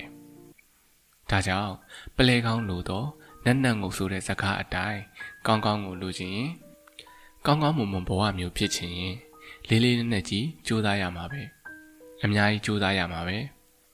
အဲဘက်ခမှုဆိုတဲ့စာရေးဆရာကဘဝရဲ့စိတ်ပြတ်ဖွယ်ရာအကြောင်းအများအပြားရေးတတ်ပေမဲ့ဒီနေ့မှာတော့အားပေးတဲ့အနေနဲ့ဖော်ပြတဲ့ဇာတ်ကားတစ်ခုတွေ့ရတယ်။ဘာလဲဆိုတော့ကြီးကြီးကျယ်ကျယ်ဖြစ်ဖို့ကတော့ကြီးကြီးကျယ်ကျယ်စူးစမ်းဖို့ပဲလိုတယ်။တခြားနည်းမရှိပါဘူးတဲ့။မှန်ပါတယ်။ကြီးကြီးကျယ်ကျယ်ဖြစ်ဖို့အတွက်ဖြက်လန်းမရှိပါဘူး။ကြီးကြီးကျယ်ကျယ်ပဲစူးစမ်းရမှာပါ။ မစူးစမ်းဘဲနဲ့လိုချင်ကမှဖြစ်ချင်ကမှဆိုရင်တော့လိုချင်ရာဖြစ်ချင်ရာကိုရနိုင်မှာမဟုတ်ပါဘူး။ဒါကိုနီတိဆရာကြီးတွေကအမှုကိစ္စဟူသမျှတို့သည်ကြိုးစားအားထုတ်ခြင်းကြောင့်သာလျှင် အလိုရှိတိုင်းပြီးစီးကြကုန်၏စိတ်သွားကများဖြင့်သို့မဟုတ်စိတ်ကြံကအများဖြင့်ပြည်စည်းသည်မဟုတ်ပါဥပမာအားဖြင့်တေရီထဲအိပ်၍သာနေသောကေတရာသာချင်းစီမင်းကြီးရဲ့ခရင်းနဲ့ကိုသားသမင်တို့ကအလကားဝင်၍မလာကြကုန်နဲ့ ဒီနေရာမှာဗုဒ္ဓရဲ့စကားဟာလည်းမှတ်ဖို့ကောင်းပါတယ်ဗုဒ္ဓကလောကမှာလူတရဝါတွေရနိုင်ခဲ့တဲ့လူချင်းစရာ၅မျိုးရှိတယ်။ဘာတွေလဲဆိုတော့နံပါတ်1လောကမှာကြမ်းကြမ်းမာမာနဲ့အသက်ရှည်ကြာနေရတဲ့အဖြစ်မျိုးကိုရနိုင်ခဲ့တယ်။ဒီလိုရနိုင်ခဲ့တဲ့ကြမ်းကြမ်းမာမာအသက်ရှည်မှုကိုလူတရဝါတွေဟာအလိုရှိကြတယ်။နှစ်သက်ကြတယ်။ညှဉ်းနိုးကြတယ်။နံပါတ်2 ရုပ်ရည်အစင်လှပတင်တဲ့အဖြစ်မျိုးကိုလည်းယောဂမှာရနိုင်ခဲ့တယ်။ဒီလိုရနိုင်ခဲ့တဲ့ရုပ်ရည်အစင်လှပတင်တဲ့အဖြစ်မျိုးကိုလူတရဝါတွေအလိုရှိကြတယ်။နှစ်သက်တယ်။ညှဉ်းနိုးတယ်။နံပါတ်3ပစ္စည်းဥစ္စာကျွဲဝချမ်းသာစွာနဲ့နေရတဲ့အဖြစ်မျိုးကိုလည်းလောကမှာရနိုင်ခဲ့တယ်။ဒီလိုရနိုင်ခဲ့တဲ့ကျွဲဝချမ်းသာစွာနေရတဲ့အဖြစ်မျိုးကိုလူတရဝါတွေဟာအလိုရှိကြတယ်။နှစ်သက်ကြတယ်။ညှဉ်းနိုးကြတယ်။ နံပါတ်4အချမ်းရံနေနဲ့တိုင်တိုင်ဝုံဝုံနေရတဲ့အဖြစ်မျိုးကိုလည်းလောကမှာရနိုင်ခဲ့တယ်။ဒီလိုရနိုင်ခဲ့တဲ့အချမ်းရံတွေနဲ့တိုင်တိုင်ဝုံဝုံနေရတဲ့အဖြစ်မျိုးကိုလူတရဝါတွေဟာအလိုရှိကြတယ်။နှစ်သက်ကြတယ်။ညှဉ်းနိုးကြတယ်။နတ်ပြည်လောကနတ်ဘဝမျိုးကိုလည်းလောကမှာရနိုင်ခဲ့တယ်။ဒီလိုရနိုင်ခဲ့တဲ့ဘဝမျိုးကိုလည်းလူတရားဝါတွေဟာအလိုရှိကြတယ်။နှစ်သက်ကြတယ်၊ညှဉ်းနိုးကြတယ်။ဒါပေမဲ့ ဒီလိုယောဂမှာရနိုင်ခဲ့တဲ့လူချင်းစရာ၅မျိုးကိုနှုတ်နဲ့တောင်းတနေုံကားများနဲ့တော့မရနိုင်ဘူး။စိတ်ထဲကနေငါရရင်ကောင်းမှာပဲလို့တောင်းတကားများနဲ့လည်းမရနိုင်ဘူးဒီလိုပဲနှုတ်နဲ့စိတ်နဲ့တောင်းတနေုံများနဲ့လေရမယ်ဆိုရင်တော့လောကမှာပြည့်စုံသူတွေကြီးပဲဖြစ်နေမှာပဲတဲ့ဒီတော့အသက်ရှည်ခြင်းကိုတကယ်လိုချင်ရရင်အသက်ရှည်စေတဲ့အကျင့်ကိုတကယ်ပဲကြင်ကြံအားထုတ်ယူရမယ် ဒီနည်းတူပဲရုပ်ရည်အစင်လှပတင်တယ်ခြင်းကြွယ်ဝချမ်းသာခြင်းစတဲ့အရာတွေကိုလည်းတကယ်ရခြင်းလိုချင်တဲ့ဆိုရင်တကယ်ပဲရနိုင်တဲ့နည်းလမ်းကိုရှာပြီးတော့စူးစမ်းအထောက်ယူရမယ်တဲ့ဗုဒ္ဓရဲ့အလိုတော်အရာကတော့ဖြစ်ချင်တာရချင်တာလိုချင်တာတွေကိုစိတ်ကူးရင်နေယုံကားများနဲ့ဆူတောင်းနေယုံများနဲ့မဖြစ်နိုင်မရနိုင်ဘူးနှုတ်ကဖြစ်ချင်လိုက်တာလိုချင်လိုက်တာစိုးနေယုံနဲ့လေမဖြစ်နိုင်မရနိုင်ဘူးတကယ်ဖြစ်ချင်တာ လိုချင်တာရချင်တာတွေကိုဖြစ်နိုင်ရနိုင်တဲ့နီလန်းနဲ့လုံးလထုတ်ပြီးတော့တကယ်တမ်းစူးစမ်းရယူကြရမယ်လို့ဆိုလို့တယ်စူးစမ်းရင်ဖြစ်မယ်ဆိုတာကျွန်တော်တို့သိတော့အတိသားပဲကောင်းတာလုပ်ဖို့အတွက်အစာပြုခြင်းကမိတိအခါမှာစောတည်မရှိဆိုတဲ့စကားလိုပဲသဘောပေါက်ကြတယ်ဒါပေမဲ့ဝရိယအားနေတော့လောက်ရမှာကိုစပဲမစနိုင်ဘူးဖြစ်နေတယ်တွေ့တူဝေကြီးဖြစ်တည်မိတတ်တယ်အချိန်တွေကို ဟိုးရွှေ့တီရွှေ့နဲ့ရွှေ့နေမိပြန်တယ်သွားရမယ်ခီးတက်လန်းရမယ်ခီးကိုမသွားမိမတက်လန်းမိဖြစ်နေပြန်တယ်မတက်မလန်းမိတော့လေရှေ့ကိုမရောက်တာပဲအဖက်တင်တယ်ညင်းညူတွေ့ဝေခြင်းတွေထဲမှာပဲတဝဲဝဲလေဖြစ်ပြီးတော့အချိန်ကုန်နေတာပဲရှိတယ်။ဒီတော့အဝေးဆုံးခရီးရဲ့အစာဟာပထမဆုံးခြေလမ်းဖြစ်တယ်ဆိုတဲ့ဇကားကိုတတိပြုမိပြီးတော့ခြေလမ်းစလန်းရမှာပါပဲ။ တလန်းလန်းမိတယ်ဆိုရင်ပဲတလန်းပန်းနိုင်နဲ့နီးသွားပြီလို့ဆိုရမှာပဲ။ဘာမှမလုပ်ဘဲနဲ့အိုရိယယော့နေရထက်တော့တာသွားမှာပဲလို့ဆိုချင်ပါတယ်။ဒီနေရာမှာစိန်ပေါ်ပြောတဲ့စကားတစ်ခုကိုတတိယမိတယ်။ तू ကငါလုံးမယ်လို့ကြံထားတာတွေကိုတော့မလုပ်ဖြစ်ဘူးမလုပ်ဘူးလို့ဆုံးဖြတ်ထားတာတွေကိုတော့လုပ်ဖြစ်တယ်တဲ့ဒါက तू ကသူ့ကိုယ်သူနှိမ်ချပြီးတော့ပြောတာ तू ပြောတာကဟုတ်တော့ဟုတ်ပါတယ်အကျိုးရှိတာမုံမြတ်တာကိုလောက်ရခေါင်းမှန် အတော်အတန်ကျွန်တော်တို့သိကြပါတယ်လုံးမယ်လို့လည်းစိတ်ကူးမိကြတယ်ဒါပေမဲ့ဝရိယအားနေလေတော့မလုံနိုင်ဘူးဒါပေမဲ့မလုံတင်မှုအကျိုးမရှိဘူးမမွန်မြတ်ဘူးဆိုတဲ့အလုပ်မျိုးအပြောမျိုးအတွေးမျိုးတွေကိုတော့လုံးမိပြောမိတွေးမိတာပဲဒါနဲ့ပတ်သက်ပြီးတော့မြန်မာဖုံးတော်ကြီးတစ်ပါးပြောပြတဲ့စကားတစ်ခုကိုလည်းအမှတ်ရတယ်သူကကောင်းတာလုပ်ဖို့ကြတော့လူတွေကချက်ချင်းစာမလုပ်နိုင်ဘူးနေကောင်းရက်တာတွေရွေးနေရတယ် မကောင်းတာလုပ်ဖို့ဆိုရင်တော့ရက်မရွေးတော့ဘူးမကောင်းတာပြောရမှာမကောင်းတာတွေးရမှာကိုပြောဖို့တွေးဖို့ဆိုရင်ပိုလို့တောင်မြန်နေတယ်ဘာကြောင့်လဲဆိုတော့အချိန်မရွေးပြောမိနေတွေးကြံမိနေလို့ပါပဲတဲ့ဟုတ်ပါတယ်ကျွန်တော်တို့ဟာဝရိယအားလုံးလအားနဲတော့ပြုတင်တာပြုရမှာကိုမပြုပြမပြုတင်တာမပြုရမှာကိုတော့ပြုတင်မမလှုပ်တင်တာမလှုပ်ရမှာကိုတော့လှုပ်ဖြစ်လှုပ်တင်တာလှုပ်ရမှာကိုတော့မလှုပ်ဖြစ်နဲ့ အချိုးမဲ့တွေဖြစ်လာတာပဲဝရိယနေမှုတွေးဝေမှု ထိုင်မိုက်မှုတွေကြောင့်ပဲအတိအမြင်အစဉ်ချင်းတွေဟာလည်းထက်မြက်ဆူရှာခြင်းမရှိတော့ဘဲနဲ့အပြုမှာအလုံးမတွေထက်ဖြစ်ပြန်တယ်တချို့ကကြိုးစားတော့ကြိုးစားပါရဲ့လုံးလာတယ်အားထုတ်ပါရဲ့ဒါပေမဲ့မအောင်မြင်တဲ့အခါမှာကိုထုတ်တဲ့လုံးလာမူမမှန်တာကိုမသိမမြင်မဲနဲ့ငါလောက်ပါလျက်ကင်နဲ့ဒီလောက်ကြိုးစားပါလျက်နဲ့ မအောင်မြင်တာကံမကောင်းလို့ဆိုပြီးတော့ကံကြမ္မာအပေါ်အပြစ်ပုံပြန်တယ်ကံကြမ္မာအပေါ်အပြစ်မပုံရင်လေတခြားသူတွေတခြားအခြေအနေတွေပေါ်ကိုအပြစ်ပုံမိတတ်တာပဲလုပ်ပေမဲ့ကြိုးစားပေမဲ့မအောင်မြင်တာဟာလုံလောက်တဲ့ဝရိယစိုက်ထုတ်မှုဖြစ်ဖို့အချိန်လိုသေးတာလည်းဖြစ်နိုင်ပါတယ်အခုရည်တွင်သူအခုရည်ကြီးတောက်ဆိုတာမျိုးတော့ပဲဖြစ်နိုင်ပါမလဲလုံလောက်တဲ့ဝရိယမျိုးကိုရောက်အောင်မှန်မှန်ကြီးမလျှော့ရန်ကြိုးစားသွားရမှာပဲ လုံလောက်တဲ့အချိန်ကိုရောက်ရင်အောင်မြင်မယ်လို့ယူဆထားရမှာပဲတစ်ပင်ပွင့်ဖူးနေရတော့အချိန်မှာအသီးကိုစားခြင်းလို့ဘယ်ဖြစ်မှာလဲအသီးကိုစားခြင်းရင်အသီးသီးခြင်းရောက်အောင်ရင့်မဲ့ခြင်းရောက်အောင်စောင့်မှအသီးစားရတယ်လို့အောင်မြင်ခြင်းရင်အောင်မြင်တဲ့အချိန်ရောက်သည့်အထိလုံလောက်တဲ့ဝိရိယကိုစိုက်ထုတ်ရမှာပဲဒီကနေ့ဗုဒ္ဓဘာသာမှာနေလိုလားလို့ထင်ရှားတဲ့တိပိတကတစ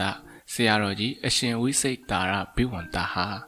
စာမျက်နှာပေါင်း9980ရှိတဲ့ပိဋကတ်သုံးပုံကိုအာကုံဆောင်ခဲ့တယ်။ဒါလည်းမကသေးပါဘူး။တခြားဆရာဆရာတော်ကြီးတွေပြုစုထားတဲ့ကျမ်းအမြောက်များကိုလည်း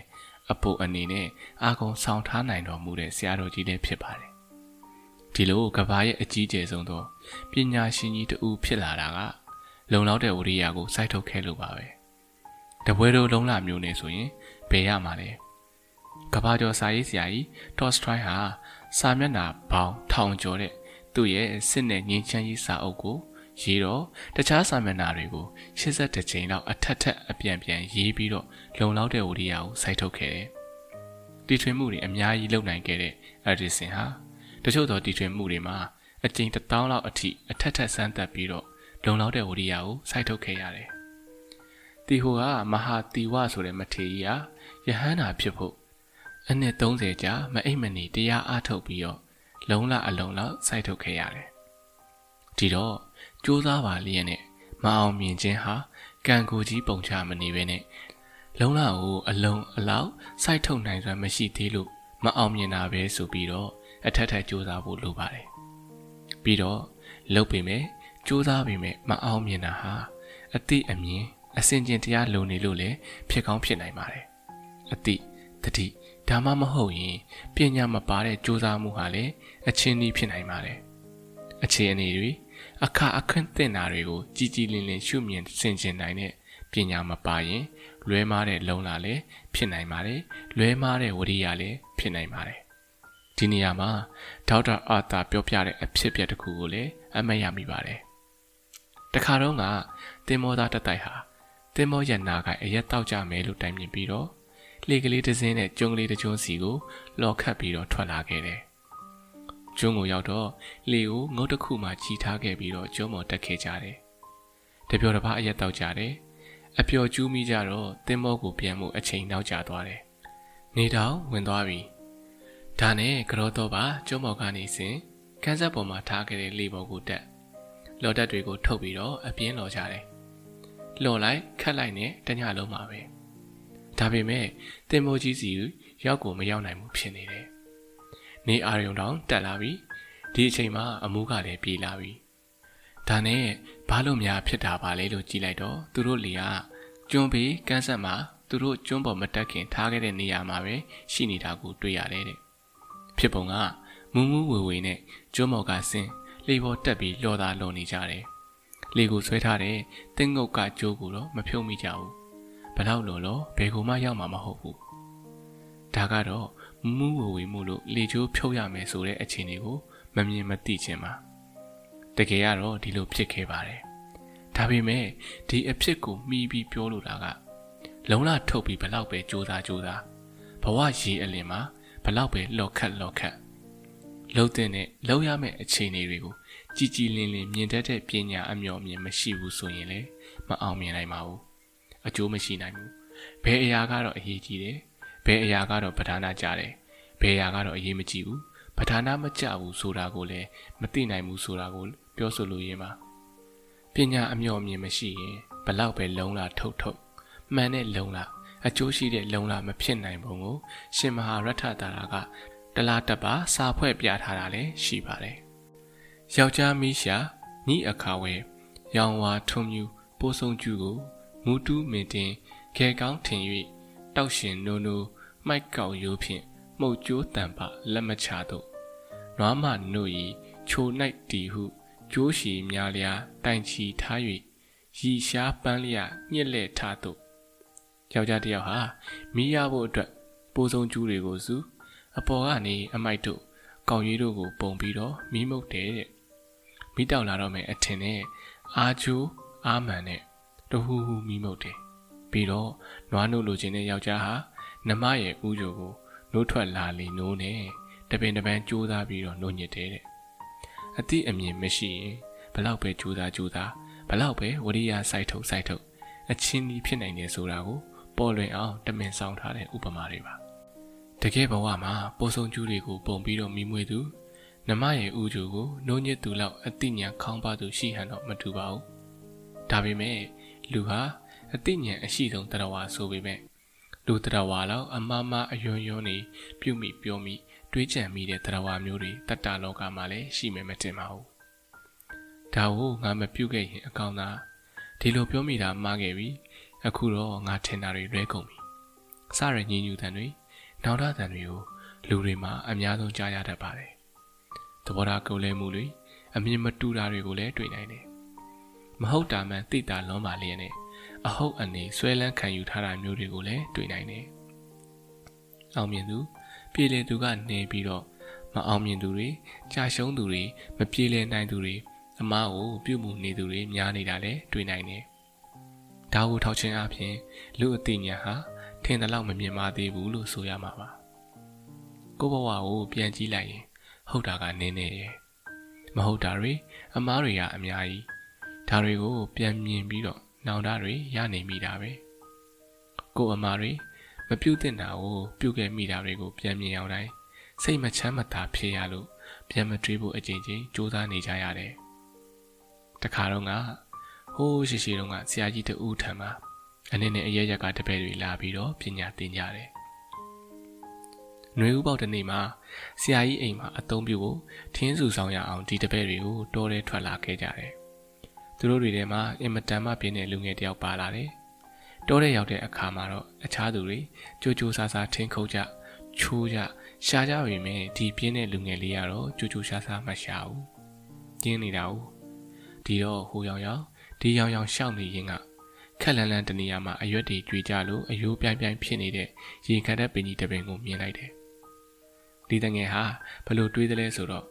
ဒီတက်ချောက်ပင်ကြီးပေါ်မှာတက်ပြီးတော့ တစ်ခိုင်းတွေကိုချိုးလိုက်ရင်ထင်းတစည်းလောက်ကတော့ခဏနဲ့ရမှာပဲ။တငယ်ချင်းနေနဲ့လိုက်ပြီးတော့ငါတော့တပင်တပန်းထင်းမရှာတော့ဘူး။တရီတမောလောက်အိပ်ပြီးတော့အနားယူလိုက်အောင်မယ်။ပြန်လာနီးမှာပဲဟိုတစ်ပင်မော်တက်ပြီးတော့ထင်းချိုးတာပေါ်လို့တွေးပြီးတော့ရေခရက်ပင်ကြီးအောက်ကိုသွားတယ်။ရောက်တော့သူ့မှာပါလာတဲ့ခြုံတစ်ပတ်ကိုတစ်ပင်ချီရင်မှာဖြန့်ခင်းပြီးတော့လဲအိမ်နေလိုက်တယ်။အိတ်လိုက်တာမှာတော်ကြီးကန်းအော်တလို့ဟောက်ပြီးတော့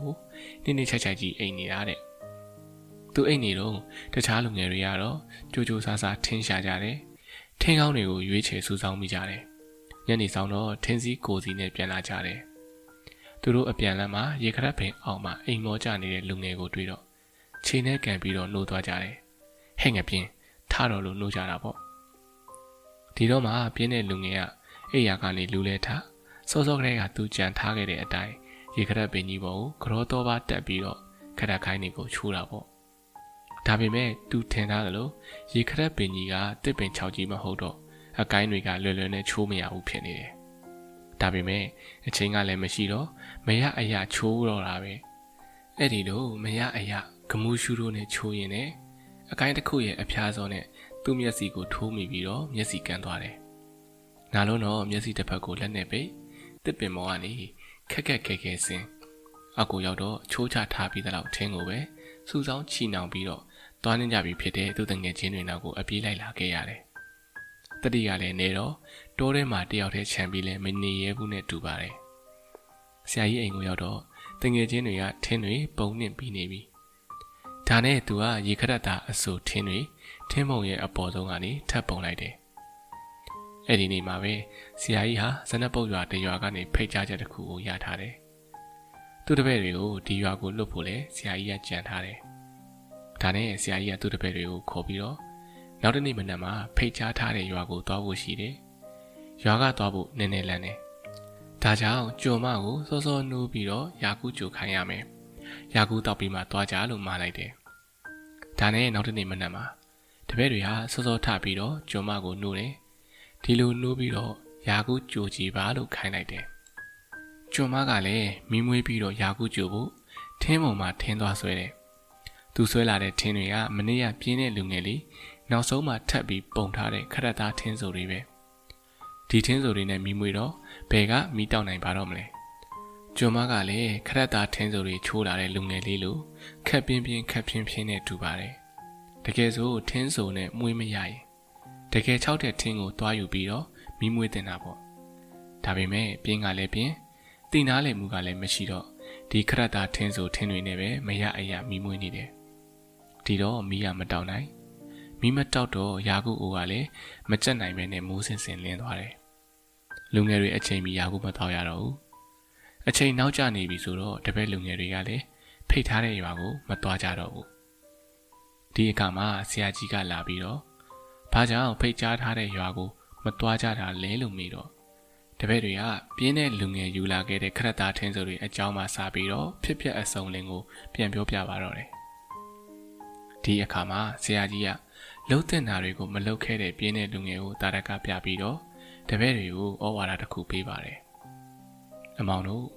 ရှေးဥစွာပြုလုပ်ရမယ့်အမှုကိုရှေးဥစွာပဲပြုလုပ်ရတယ်။ရှေးဥစွာပြုလုပ်ရမယ့်အမှုကိုနောက်မှပြုလုပ်ရင်တင်တို့ရဲ့ခရက်ခိုင်းဆိုကိုချိုးတဲ့လူငယ်လိုမဖြစ်တဲ့နာတွေဖြစ်ပြီးတော့နောက်ရတဖန်နဲ့ပူပန်ရတတ်တယ်တဲ့။ဒီစကားဟာဘဝခရီးတဲ့ကျွန်တော်တို့အားလုံးအတွက် အမြင်အကျိုးပြုမဲ့စကားဖြစ်နိုင်ပါတယ်လုံလောက်ရေးရနေခြင်းဆိုတဲ့ပြင်းရည်မှုထိုင်းမိုင်းမှုတွေ့ဝေမှုတွေမှာလူတွေမှာသာရှိနေလို့ရှိရင်အခြေအနေတွေကိုမှန်မှန်ကန်ကန်မမြင်နိုင်တော့ဘူးဘယ်ဟာကိုလှုပ်တဲ့နဲ့မလှုပ်တဲ့မှုဆိုတာကိုလည်းမသိနိုင်တော့ဘူးဒီလိုအသိအမြင်မရှိပြန်တဲ့အခါလှုပ်တဲ့နာကိုမလုံမီမလှုပ်တဲ့နာတော့လုံမိတာမျိုးတွေဖြစ်ကုန်တယ်မလွဲမရှောင်တာပဲနဲ့ကြိုးစားလုံးလာပြုတ်ဖို့ကြုံလာရင်လေ အကျိုးမရှိတဲ့ကြိုးစားလုံးလာပြုတ်ခြင်းတွေဖြစ်ကုန်တယ်ရှေးဦးပြုတင်တာကိုနောက်မှပြုခြင်းမျိုးတွေဖြစ်ကုန်တယ်။ကြိုတင်ပြီးလုပ်ရမှာတွေကိုမလုပ်မိလိုက်တာမျိုးတွေဖြစ်နိုင်တယ်။အဲ့ဒီအခါမှာဆုံးရှုံးခြင်းတွေနောင်တတွေပူပင်တောကတွေလည်းဖြစ်ရတာပဲ။ကျောင်းသားတဦးအဖို့ဆံမွေးပွဲမတိုင်မီလှုပ်တင်တာတွေကိုရှေးဦးစွာလုပ်ရမှာကတော့ကြက်စရာမတ်စရာရှိတာတွေကိုအပိုင်ကြက်မှတ်ထားဖို့ပါပဲ။ ဆံမွေးပွဲတိတ်နီးကပ်မှကြက်ရင်မှတ်ရင်တော့ရေခရက်ခိုင်ချိုးတဲ့လူငယ်လိုကတော်ကမျောလောက်ရတာမျိုးတွေမဖြစ်တဲ့နာတွေဖြစ်တတ်ပါတယ်။နေမအိမ်ညမအိမ်ကရောတော့ပါနဲ့ထိတ်ထိတ်ပြပြနဲ့စူးစမ်းမိလို့ယောဂါတွေရပြီးဆံမေးပွဲမဖြေနိုင်မင်းနဲ့ကြာဆုံးတာမျိုးတွေလည်းဖြစ်နိုင်ပါတယ်။ပြိုင်ပွဲဝင်မဲ့အာကစားသမားတွေကလည်းပြိုင်ပွဲမဝင်မီ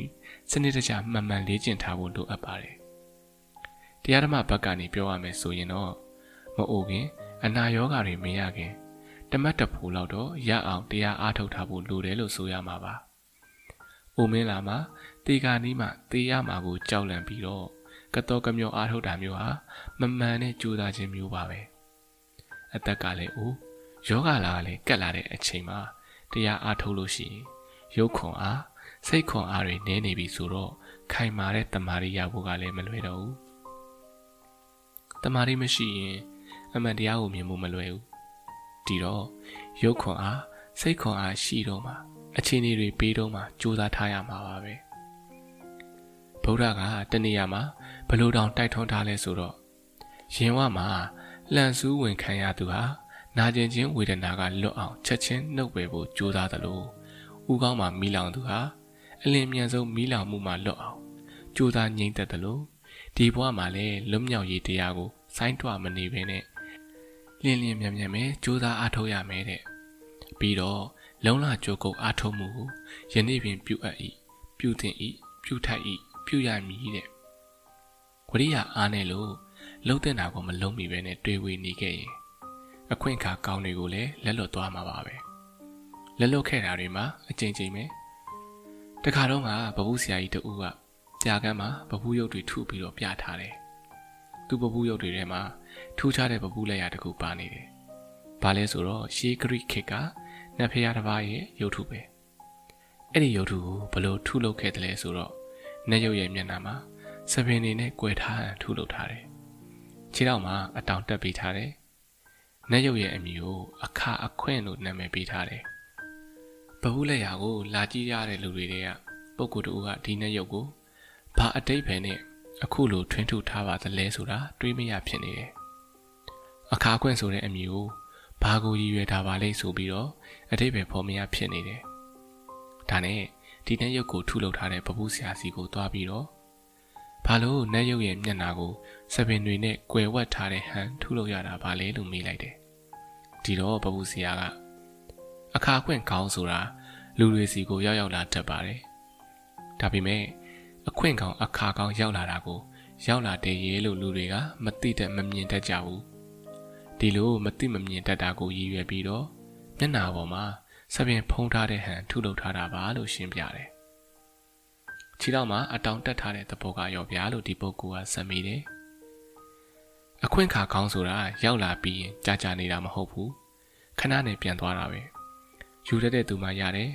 ဒီသဘောကိုရည်ရွယ်ပြီးတော့ခြေထောက်ကိုအတောင်တက်ပေးထားတာပါလို့ပပူးဆရာကြီးကပြန်ဖြေလိုက်တယ် ဒီတော့မှအခအခွင့်လို့အမည်ပေးထားတဲ့သဘောကိုဒီပုဂ္ဂိုလ်ကြီးကသဘောပေါက်သွားရတယ်ဟုတ်တယ်ပြင်းပြီးတွေ့ဝေးပြီးလေးတွေ့ပြီးဆိုရင်လှုပ်တင်တာတွေကိုမလှုပ်ဖ ೇನೆ အချိန်ကိုဟိုရွှေ့တီရွှေ့ရွှေ့တတ်တယ်လှုပ်တင်တာကိုမလှုပ်ဖ ೇನೆ အချိန်တွေကိုရွှေ့ရွှေ့ပြစ်ခြင်းကဝင်လာတဲ့အခွင့်အခါကောင်းတွေကိုရွှေ့ရွှေ့ပြစ်ရဖဲဖဲပြစ်ရရောက်ပါတယ်ကြောခိုင်းပြစ်ရလည်းရောက်တယ်နောက်အချိန်တော်သွားတဲ့အခါကျတော့မှငါနဲ့ ဒါလေးကိုမလုံးလိုက်မိနေချင်းဒါကိုယူလိုက်မိရင်အကောင်းသားစတဲ့နောင်တတွေရလာတော့တယ်ငယ်ရွယ်စဉ်စာပေတင်နိုင်ခွင့်စီးပူးနိုင်ခွင့်တွေရခဲ့ပါလေရဲ့နဲ့မတင်ခဲ့မစီးပူးခဲ့မိတာတွေကိုနီနာမှာသက်ဆိုင်ရာပညာရက်တွေကိုကျွမ်းကျင်တက်မြောက်ထားတဲ့ပုံကိုကြီးတွေအသက်ရှိထင်ရှားရှိနေပါလျက်ခဲ့တဲ့ယူတဲ့ယူထိုက်စီးပူးတဲ့စီးပူးထိုက်တဲ့ပညာကိုမစီးပူးလိုက်မိခြင်းတွေကိုအပေါ်မှာဘယ်သူမှမချစ်နိုင်တဲ့ချစ်ချင်းမျိုးတွေ ဘယ်သူမှမထားနိုင်တဲ့စေတနာမျိုးတွေဘယ်သူမှမလုပ်နိုင်တဲ့ပြုစုစောင့်ရှောက်ခြင်းမျိုးနဲ့ချစ်ခဲ့စေတနာထားခဲ့ပြုစုစောင့်ရှောက်ခဲ့တဲ့မိခင်အိုဖခင်အိုတွေရှိနေပါလျက်ကင်နဲ့တုံ့ပြန်ပြီးတော့မပြုစုမစောင့်ရှောက်မိခဲ့တာတွေကိုနောက်အချိန်တော်နဲ့အခါမှသာနောင်တကြီးစွာရကြတာပါစိတ်ကောင်းစေတနာနဲ့ကောင်းတာမုံမြတ်တာတွေကိုမလုပ်ခဲ့မိတာတွေတိုးတက်အောင်မြင်မှုအခြေအနေကောင်းတွေရခဲ့ပါလျက်ကင်နဲ့ တိုးတက်အောင်မြင်အောင်မလုပ်ခဲ့မိတာတွေကိုအချိန်တော်အရွယ်လွန်ပြီးလို့အခွင့်အခါကောင်းတွေကုံလွန်သွားတဲ့အခါမှသာနောင်တတွေရပြန်တာပဲတိုးတက်အောင်မြင်ဖို့အခြေအနေရှိတော့တိုးတက်အောင်မြင်အောင်ကြိုးစားနိုင်တဲ့စိတ်ခွန်အားတွေရှိနေတော့မှာတိုးတက်အောင်မြင်အောင်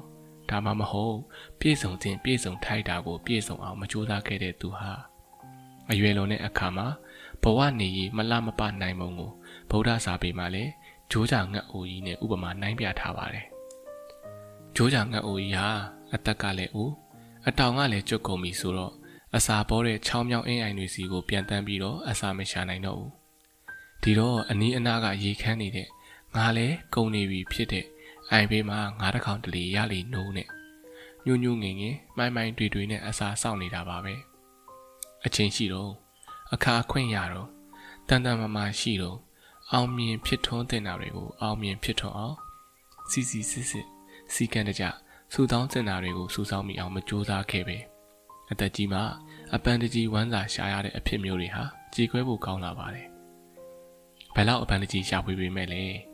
အင်အားချိနဲ့နေတဲ့ခန္ဓာကိုယ်ရည်ဝေနေတဲ့မျက်လုံးကြာဆင်းနေတဲ့စိတ်ဓာတ်တွေနဲ့ဆိုတော့ဘယ်နေရာမှအောင်မြင်နေရလို့မရှိဘဲနဲ့မိုင်တွေချနေရတာကများပါတယ် ဘဝရဲ့စီးစာညံ့နေချိန်တွေမှာတခြားအားကိုးရမယ့်သူလည်းမရှိဘဲနဲ့ကြည်ကြည်ကွဲကွဲနဲ့ငေးမိုင်တွေ့ဝေရတဲ့အထီးကျန်ဘဝမျိုးဟာတိတ်ပြီးတော့ဆွေးမြေ့ဝဲကောင်းပါပါဒီတော့အခါခွင့်ရခိုင်မှာလှုပ်တဲ့လှုပ်ထိုက်တာကိုလှုပ်ဖို့လှုပ်နေဖို့ကြိုးစားတဲ့ကြိုးစားထိုက်တာကိုကြိုးစားဖို့ကြိုးစားနေဖို့လိုပါတယ်လူဘဝတက်တန်းဟာတကယ်တော့တူတောင်းလုံးလာပါတယ်တူတောင်းတဲ့ဘဝတာမှာစောစောကပြောပြခဲ့တဲ့ပပူးရုပ်ပမာလိုပဲ ရလာတဲ့အခွင့်အခါတွေဟာတိတ်ကြကြနေမှာမဟုတ်ပါဘူးမကြမတင်ကုံသွားတတ်ပါတယ်ကုံလွန်တတ်ပါတယ်ထွက်ခွာသွားတတ်ပါတယ်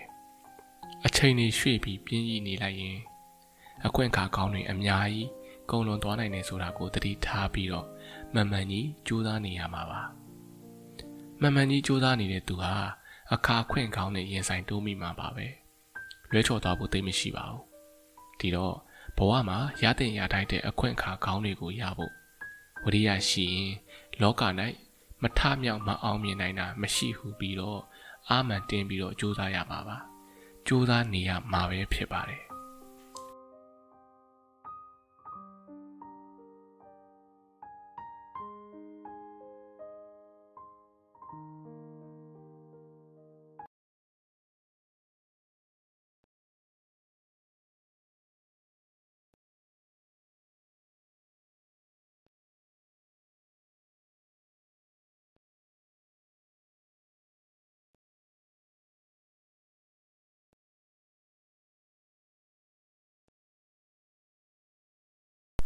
ခရောင်လန်းကိုဖျက်ကျော်ခြင်းနန္နာသိန်းဆန်အခန်းခွန်ကိုသာလျင်ကိုဘဝရဲ့ပဲ့ကန်ရှင်ကျွန်တော်ပြောခဲ့တာတွေကိုပြန်ပြီးချုပ်လိုက်မယ်ဆိုရင်လောကမှာလူတအုပ်အတွက်ဖြစ်ခြင်းလိုခြင်းအောင်မြင်ခြင်းရာကို ဖြစ်နိုင်ရနိုင်အောင်မြင်ပြီးစီးနိုင်တဲ့အခြေခံအကြောင်းတရား၄မျိုးရှိတယ်။ဒါကတော့နံပါတ်1အခြေအနေတွေကိုမှန်မှန်ကန်ကန်ကြည်ကြည်လင်လင်မြင်နိုင်တဲ့အမြင်နံပါတ်2 ခိုင်ခန့်တည်ကြည်တဲ့စိတ်ဓာတ်နံပါတ်3မြင့်မြတ်တဲ့စန္ဒသို့မဟုတ်ရည်မှန်းချက်နံပါတ်4မြဲမြံတဲ့ဝရိယဇွဲလုံလစတဲ့အခြေခံအကြောင်းတရား၄မျိုးပါပဲဒီအခြေခံ၄မျိုးတွေကတခုခုဟာဥဆောင်ရင်လေကြံတဲ့အခြေခံတရားတွေဟာအတူတကွလိုက်ပါပြီးတော့ထောက်ကူပြုမှာအသေးကြပါဥမဆောင်ရင်လေဥမဆောင်တယ်လို့လိုက်ပါထောက်ကူမပြုဘူးပေါ့ဒီသဘောတွေကိုသက်ဆိုင်ရာတာရကကလေးတွေပြပြီးတော့ ဘဝခီးတဲ့အချင်းချင်းဘဝခီးသွားအချင်းချင်းအားပေးတဲ့အနေနဲ့အမတ်တမဲ့ဖြစ်နေရင်လည်းပြန်ပြီးတော့တတိယအောင်တတိပေးတဲ့အနေနဲ့ကျွန်တော်ပြောခဲ့ပြီးပါပြီပြောသူကလည်းပြောပြီးလို့နားထောင်တဲ့သူတွေကလည်းနားထောင်လို့ပြီးပါပြီပြောပြီးနားထောင်ပြီးတဲ့အခါမှာပြောသူရောနားထောင်ကြတဲ့သူများပါအရေးကြီးလိုအပ်တဲ့အချက်ကတော့အောင်မြင်ပြီးစီးခြင်းအခြေခံတရားတွေကိုမိမိတို့စီမှာကိုစီကိုငါရရှိကြဖို့ပါပဲ ဒီနေရာမှာအဖြစ်အပျက်တစ်ခုကိုပဲတာရကပြုတ်ပြီးတော့အဆုံးသတ်အနေနဲ့ပြောပြရစီတခါရွာတရွာမှာပညာရှိတူဦးရှိတယ်ဒီပညာရှိဟာလူတွေရဲ့အခက်အခဲတွေပြဿနာတွေကိုဖြေရှင်းပေးနိုင်တော့သူ့ရဲ့ကြော်သောတဲ့တဲ့ရင်ကလည်းတိတ်ကြီးနေတယ်ရဝေးရနေရလူတွေကလည်းသူ့စီကိုလာပြီးတော့မေးကြညံ့ညအကြံဉာဏ်ယူကြပေါ့လက်လာပါတက်ကာရာတွေကလည်းဒီပညာရှိကြီးမှာတိတ်ပေါ်များနေတယ်။ ဒါကိုရွာမှာရှိတဲ့လူရန်ကတတိုက်ကတိတ်ကိုမနာလို့ဖြစ်နေကြတယ်။ဒါနဲ့တနေ့မှာတော့ဒီလူရန်ကားတွေကိုခေါင်းဆောင်လုပ်တဲ့သူကဒီပညာရှိကြီးကိုတို့တွေအဆက်ခွဲကြရအောင်လို့ပြောပြီးတော့သူ့အပေါင်းဖော်တွေနဲ့ဘယ်ပုံပဲနည်းအဆက်ခွဲမယ်ဆိုတာကိုဆွေးနွေးတိုင်ပင်ကြတယ်။တိုင်ပင်ဆွေးနွေးပြီးတဲ့နောက်မှာတော့အများသဘောကျအစီအစဉ်တွေဆွဲကြတယ်။ရန်ကားတဲ့သူတွေဆိုတော့ရန်ကားတဲ့အစီအစဉ်တွေပဲဆွဲကြတာပေါ့သူတို့အစီအစဉ်ကဘယ်လိုလဲဆိုတော့ လူရန်ကားကောင်းဆောင်ရဲ့လက်ထဲမှာငှက်ငယ်တစ်ကောင်ကိုအရှင်စုပ်ကင်ထားမယ်ဒီလိုစုပ်ကင်ပြီးတော့ပညာရှိလာတဲ့လမ်းကနေစောင့်နေမယ်ဒီလမ်းကလာလို့သူတို့အနားမှာရှိတဲ့ပညာရှိရောက်လာတဲ့အခါမှာခေါင်းဆောင်လုပ်တဲ့သူကသူ့လက်ထဲမှာစုပ်ကင်ထားတဲ့ငှက်ကိုပညာရှိကြီးကိုပြပြီးတော့ပညာရှိဟောဒီကျုပ်လက်ထဲမှာကင်ထားတဲ့ငှက်ကအသေးလားအရှင်လားလို့မေးမယ်အဲ့ဒီလိုမေးတဲ့အခါမှာပညာရှိက ငှက်ကအရှင်ပါလို့ဖြေခြင်းဖြေမယ်ဒီလိုဖြေရင်ငှက်ကိုလက်ထဲချက်ချင်းညှစ်တက်ပြီးတော့ဘဲကလားအရှင်ရမှာလေဟောဒီမှာကြည့်အသေးပါလို့ပြမယ်တကယ်လို့ပညာရှိကငှက်ဟာအသေးပါလို့ဖြေပြန်ရင်လေဘဲကလားဟုတ်ရမှာလေဒီမှာကြည့်အရှင်မလို့ပြောပြီးတော့စုပ်ကင်ထားတဲ့ငှက်ကိုလွတ်ပြမယ်ဆိုတဲ့အစီအစဉ်မှာဒါဆိုရင်ပညာရှိဟာဘလို့ပဲဖြစ်ဖြစ်သူ့အဖေဟာမှားမှာပါပဲ ဒီအခါမှာပညာရှိကိုဒါလားกว่าပညာရှိတဲ့ ငှက်ကိုအရှင်မန်းအသေးမှန်အောင်မသိတဲ့သူပဲလို့ဝိုင်းပြီးတော့ဟဲဟော်ပြောင်းလောင်ပြီးတော့တိတ်ခါချလွတ်လိုက်တော့မယ်ဆိုတဲ့အစီအစဉ်လုပ်ထားတယ်။သူတို့အစီအစဉ်ပေါ်မှာလည်းတိတ်ကိုသဘောကျကျေးနပ်နေကြတယ်။ဒါနဲ့တနေ့မှာတော့သူတို့ကြိုတင်စီစဉ်ထားတဲ့အတိုင်းပညာရှိလာတဲ့လမ်းကနေစောင့်နေကြတယ်။မကြခင်မှာပဲပညာရှိကလည်းသူတို့စောင့်နေတဲ့လမ်းအတိုင်းရှောက်လာတယ်။ သူတို့အနားကိုပညာရှိရောက်လာတော့လူရန်ကားတွေရဲ့ခေါင်းဆောင်ကပညာရှိခဏရက်ပါအောင်လို့ပြောလိုက်တယ်။ပညာရှိကလည်းရက်နေတယ်။ဒီအခါမှာလူရန်ကားခေါင်းဆောင်ကပညာရှိအသင်ပညာရှိဟာပညာရှိပါပြီတယ်လို့ယနေ့ရက်ဝေးမှာသတင်းကြည့်နေတဲ့သူပါတကယ်ပဲပညာရှိတယ်မရှိဘူးဆိုတာကျုပ်တို့သိချင်လို့ပါကျုပ်အခုမေးတဲ့ပြဿနာလေးကိုဖြေစီချင်ပါတယ်လို့ ခက်နေတဲ့တဲ့လေတံလေးနဲ့သူ့လက်ထဲမှာစုပ်ကင်ထားတဲ့ငှက်ကိုလည်းပညာရှိရဲ့မျက်နှာအနားမှာကပ်ပြီးတော့ပြပြီးတော့မေးလိုက်တယ်ကဲပညာရှိကြုံမေးတာကိုဖြေစမ်းပါကျုပ်လက်ထဲမှာရှိနေတဲ့ငှက်ဟာအသေးလားအရှင်လားတဲ့လူရန်ကားကောင်းဆောင်နဲ့သူ့အဖွဲရတော့ပညာရှိကြီးဟာတခုခုတော့ဖြေမှာပဲလို့ထင်နေကြတယ်ဖြေတိုင်းလေမှားမှာပဲဒီလိုမှားရင်တော့ဒါတဲ့လာကွာပညာရှိ ဒီလောက်ပြဿနာလေးကိုတောင်မှန်အောင်မဖြေနိုင်ဘူးဆိုပြီးတော့ဟားတိုက်ရဲမောဖို့ပြောင်းလောင်ကြဖို့ဟန်ပြင်ထားတယ်ဒါပေမဲ့ပညာရှိရဲ့အဖြေကသူတို့ထင်ထားသူတို့မျှော်လင့်ထားတဲ့အဖြေမျိုးထွက်မလာဘူး။ဘာကြောင့်လဲဆိုတော့လူရန်ကခေါင်းဆောင်ရဲ့လက်ထဲမှာစုပ်ကင်ထားတဲ့ငှက်ငယ်ကိုကြည့်ပြီးတော့ပညာရှိဖြေလိုက်တဲ့ပုံကအမောင့်တဘောအတိုင်းပါပဲတဲ့။ပညာရှိဆိုတော့သူ့အဖြေစကားထဲမှာပညာအပြည့်ပါနေတယ်။ အမျော်မြင်တွေကလည်းအများကြီးပါနေတယ်။လူရန်ကားတွေအပေါ်ယူနာတက်ချင်းတွေလည်းပါနေတယ်။ငှက်ငယ်ရဲ့သေမှုရှင်မှုဟာလူရန်ကားရဲ့လက်ထဲမှာပဲရှိနေတယ်။သူကအရှင်မလို့ဖြေလိုက်ရင်လူရန်ကားကငှက်ငယ်ကိုညစ်သက်ပြစ်မှသိတယ်။ငှက်ငယ်ဟာအသေးပါလို့ပြောရင်လေလူရန်ကားကငှက်ငယ်ကိုလွတ်ပြမှာကိုသိနေတယ်။ငှက်ငယ်ရဲ့တေမှုရှင်မှုနဲ့မားမှုမှန်မှုဟာလူရန်ကားရဲ့လက်ထဲမှာပဲရှိနေတယ်။ လူရန်ကားပြုတဲ့အတိုင်းလူရန်ကားရဲ့ဆန္ဒသဘောအတိုင်းဖြစ်ဖို့ရှိနေတယ်ဆိုတာပညာရှိကမြင်တယ်ဒီလောက်တည်းမကသေးဘူးလူတဦးဟာမိမိဘဝကိုကောင်းအောင်ဆိုအောင်လူမိုက်ဖြစ်အောင်လူလိမ္မာဖြစ်အောင်တိုးတက်အောင်မြင်သူဖြစ်အောင်ကြာရှုံးသူဖြစ်အောင်ပဓာနာအပြင်မိမိကိုယ်တိုင်ဖန်တီးနိုင်ပါတယ်မိမိဘဝဟာမိမိလက်တွင်းမှာပဲပဓာနာအပြင်ရှိနေတယ်ဆိုတာကိုပညာရှိဟာအမျှော်အမြင်နဲ့ဆင်ခြင်နေမိတယ်ဒါကြောင့် အမောင့်တဘောအတိုင်းပါပဲလို့ဖြေလိုက်ခြင်းဖြစ်ပါတယ်လူရန်ကားတွေဟာပညာရှိရဲ့အဖြေကိုဘယ်လိုမှအပြစ်ရှာမရတော့ဘူးထွက်ခွာသွားတဲ့ပညာရှိကိုငေးကြည့်နေရင်လည်းပါဇက်အဟောင်းသားနဲ့ပဲကျင်ရစ်ခဲ့ကြတယ်။ဒီအဖြစ်ပြက်လေးမှာပညာရှိပြောသွားတဲ့စကားအတိုင်းပါပဲ။ကျွန်တော်တို့ရဲ့ဘဝတွေဟာဗราဏအားဖြင့်ကျွန်တော်တို့ရဲ့လက်ထဲမှာပဲရှိပါတယ်။ကျွန်တော်တို့ဘဝကိုကျွန်တော်တို့ကိုယ်တိုင်မှန်တဲ့အသည့်အမြင် ခိုင်ခန့်တဲ့စိတ်ဓာတ်မြင့်မြတ်တဲ့ဆန္ဒမြဲမြံတဲ့ဝိရိယတွေနဲ့ကောင်းအောင်တိုးတက်အောင်အခက်ခဲတွေကနေကြော်လွားနိုင်သူတွေဖြစ်အောင်ဖန်တီးရမှာပါပဲ။ကိုဘဝကိုမမြင်နိုင်နဲ့အတိတ်ကြံမာရဲ့လက်ထဲကိုပုံအပ်မထားသင့်ပါဘူးသူတစ်ပါးတွေအပေါ်မှာလေယုံစားအားကိုမထားသင့်ပါဘူးတကူတော့ရှင်တို့ရဲ့ဆန္ဒအတိုင်းကိုဘဝဖြစ်ရမှာပဲဆိုပြီးလေကိုဘဝကိုသူများရဲ့အပိုင်မခံသင့်ပါဘူး ကိုဘဝကိုကိုယ်တိုင်သာပဲ့ကင်ပြုပြီးတော့ကျွန်တော်တို့တွေခရီးဆက်ကြရမှာပဲဖြစ်ပါတယ်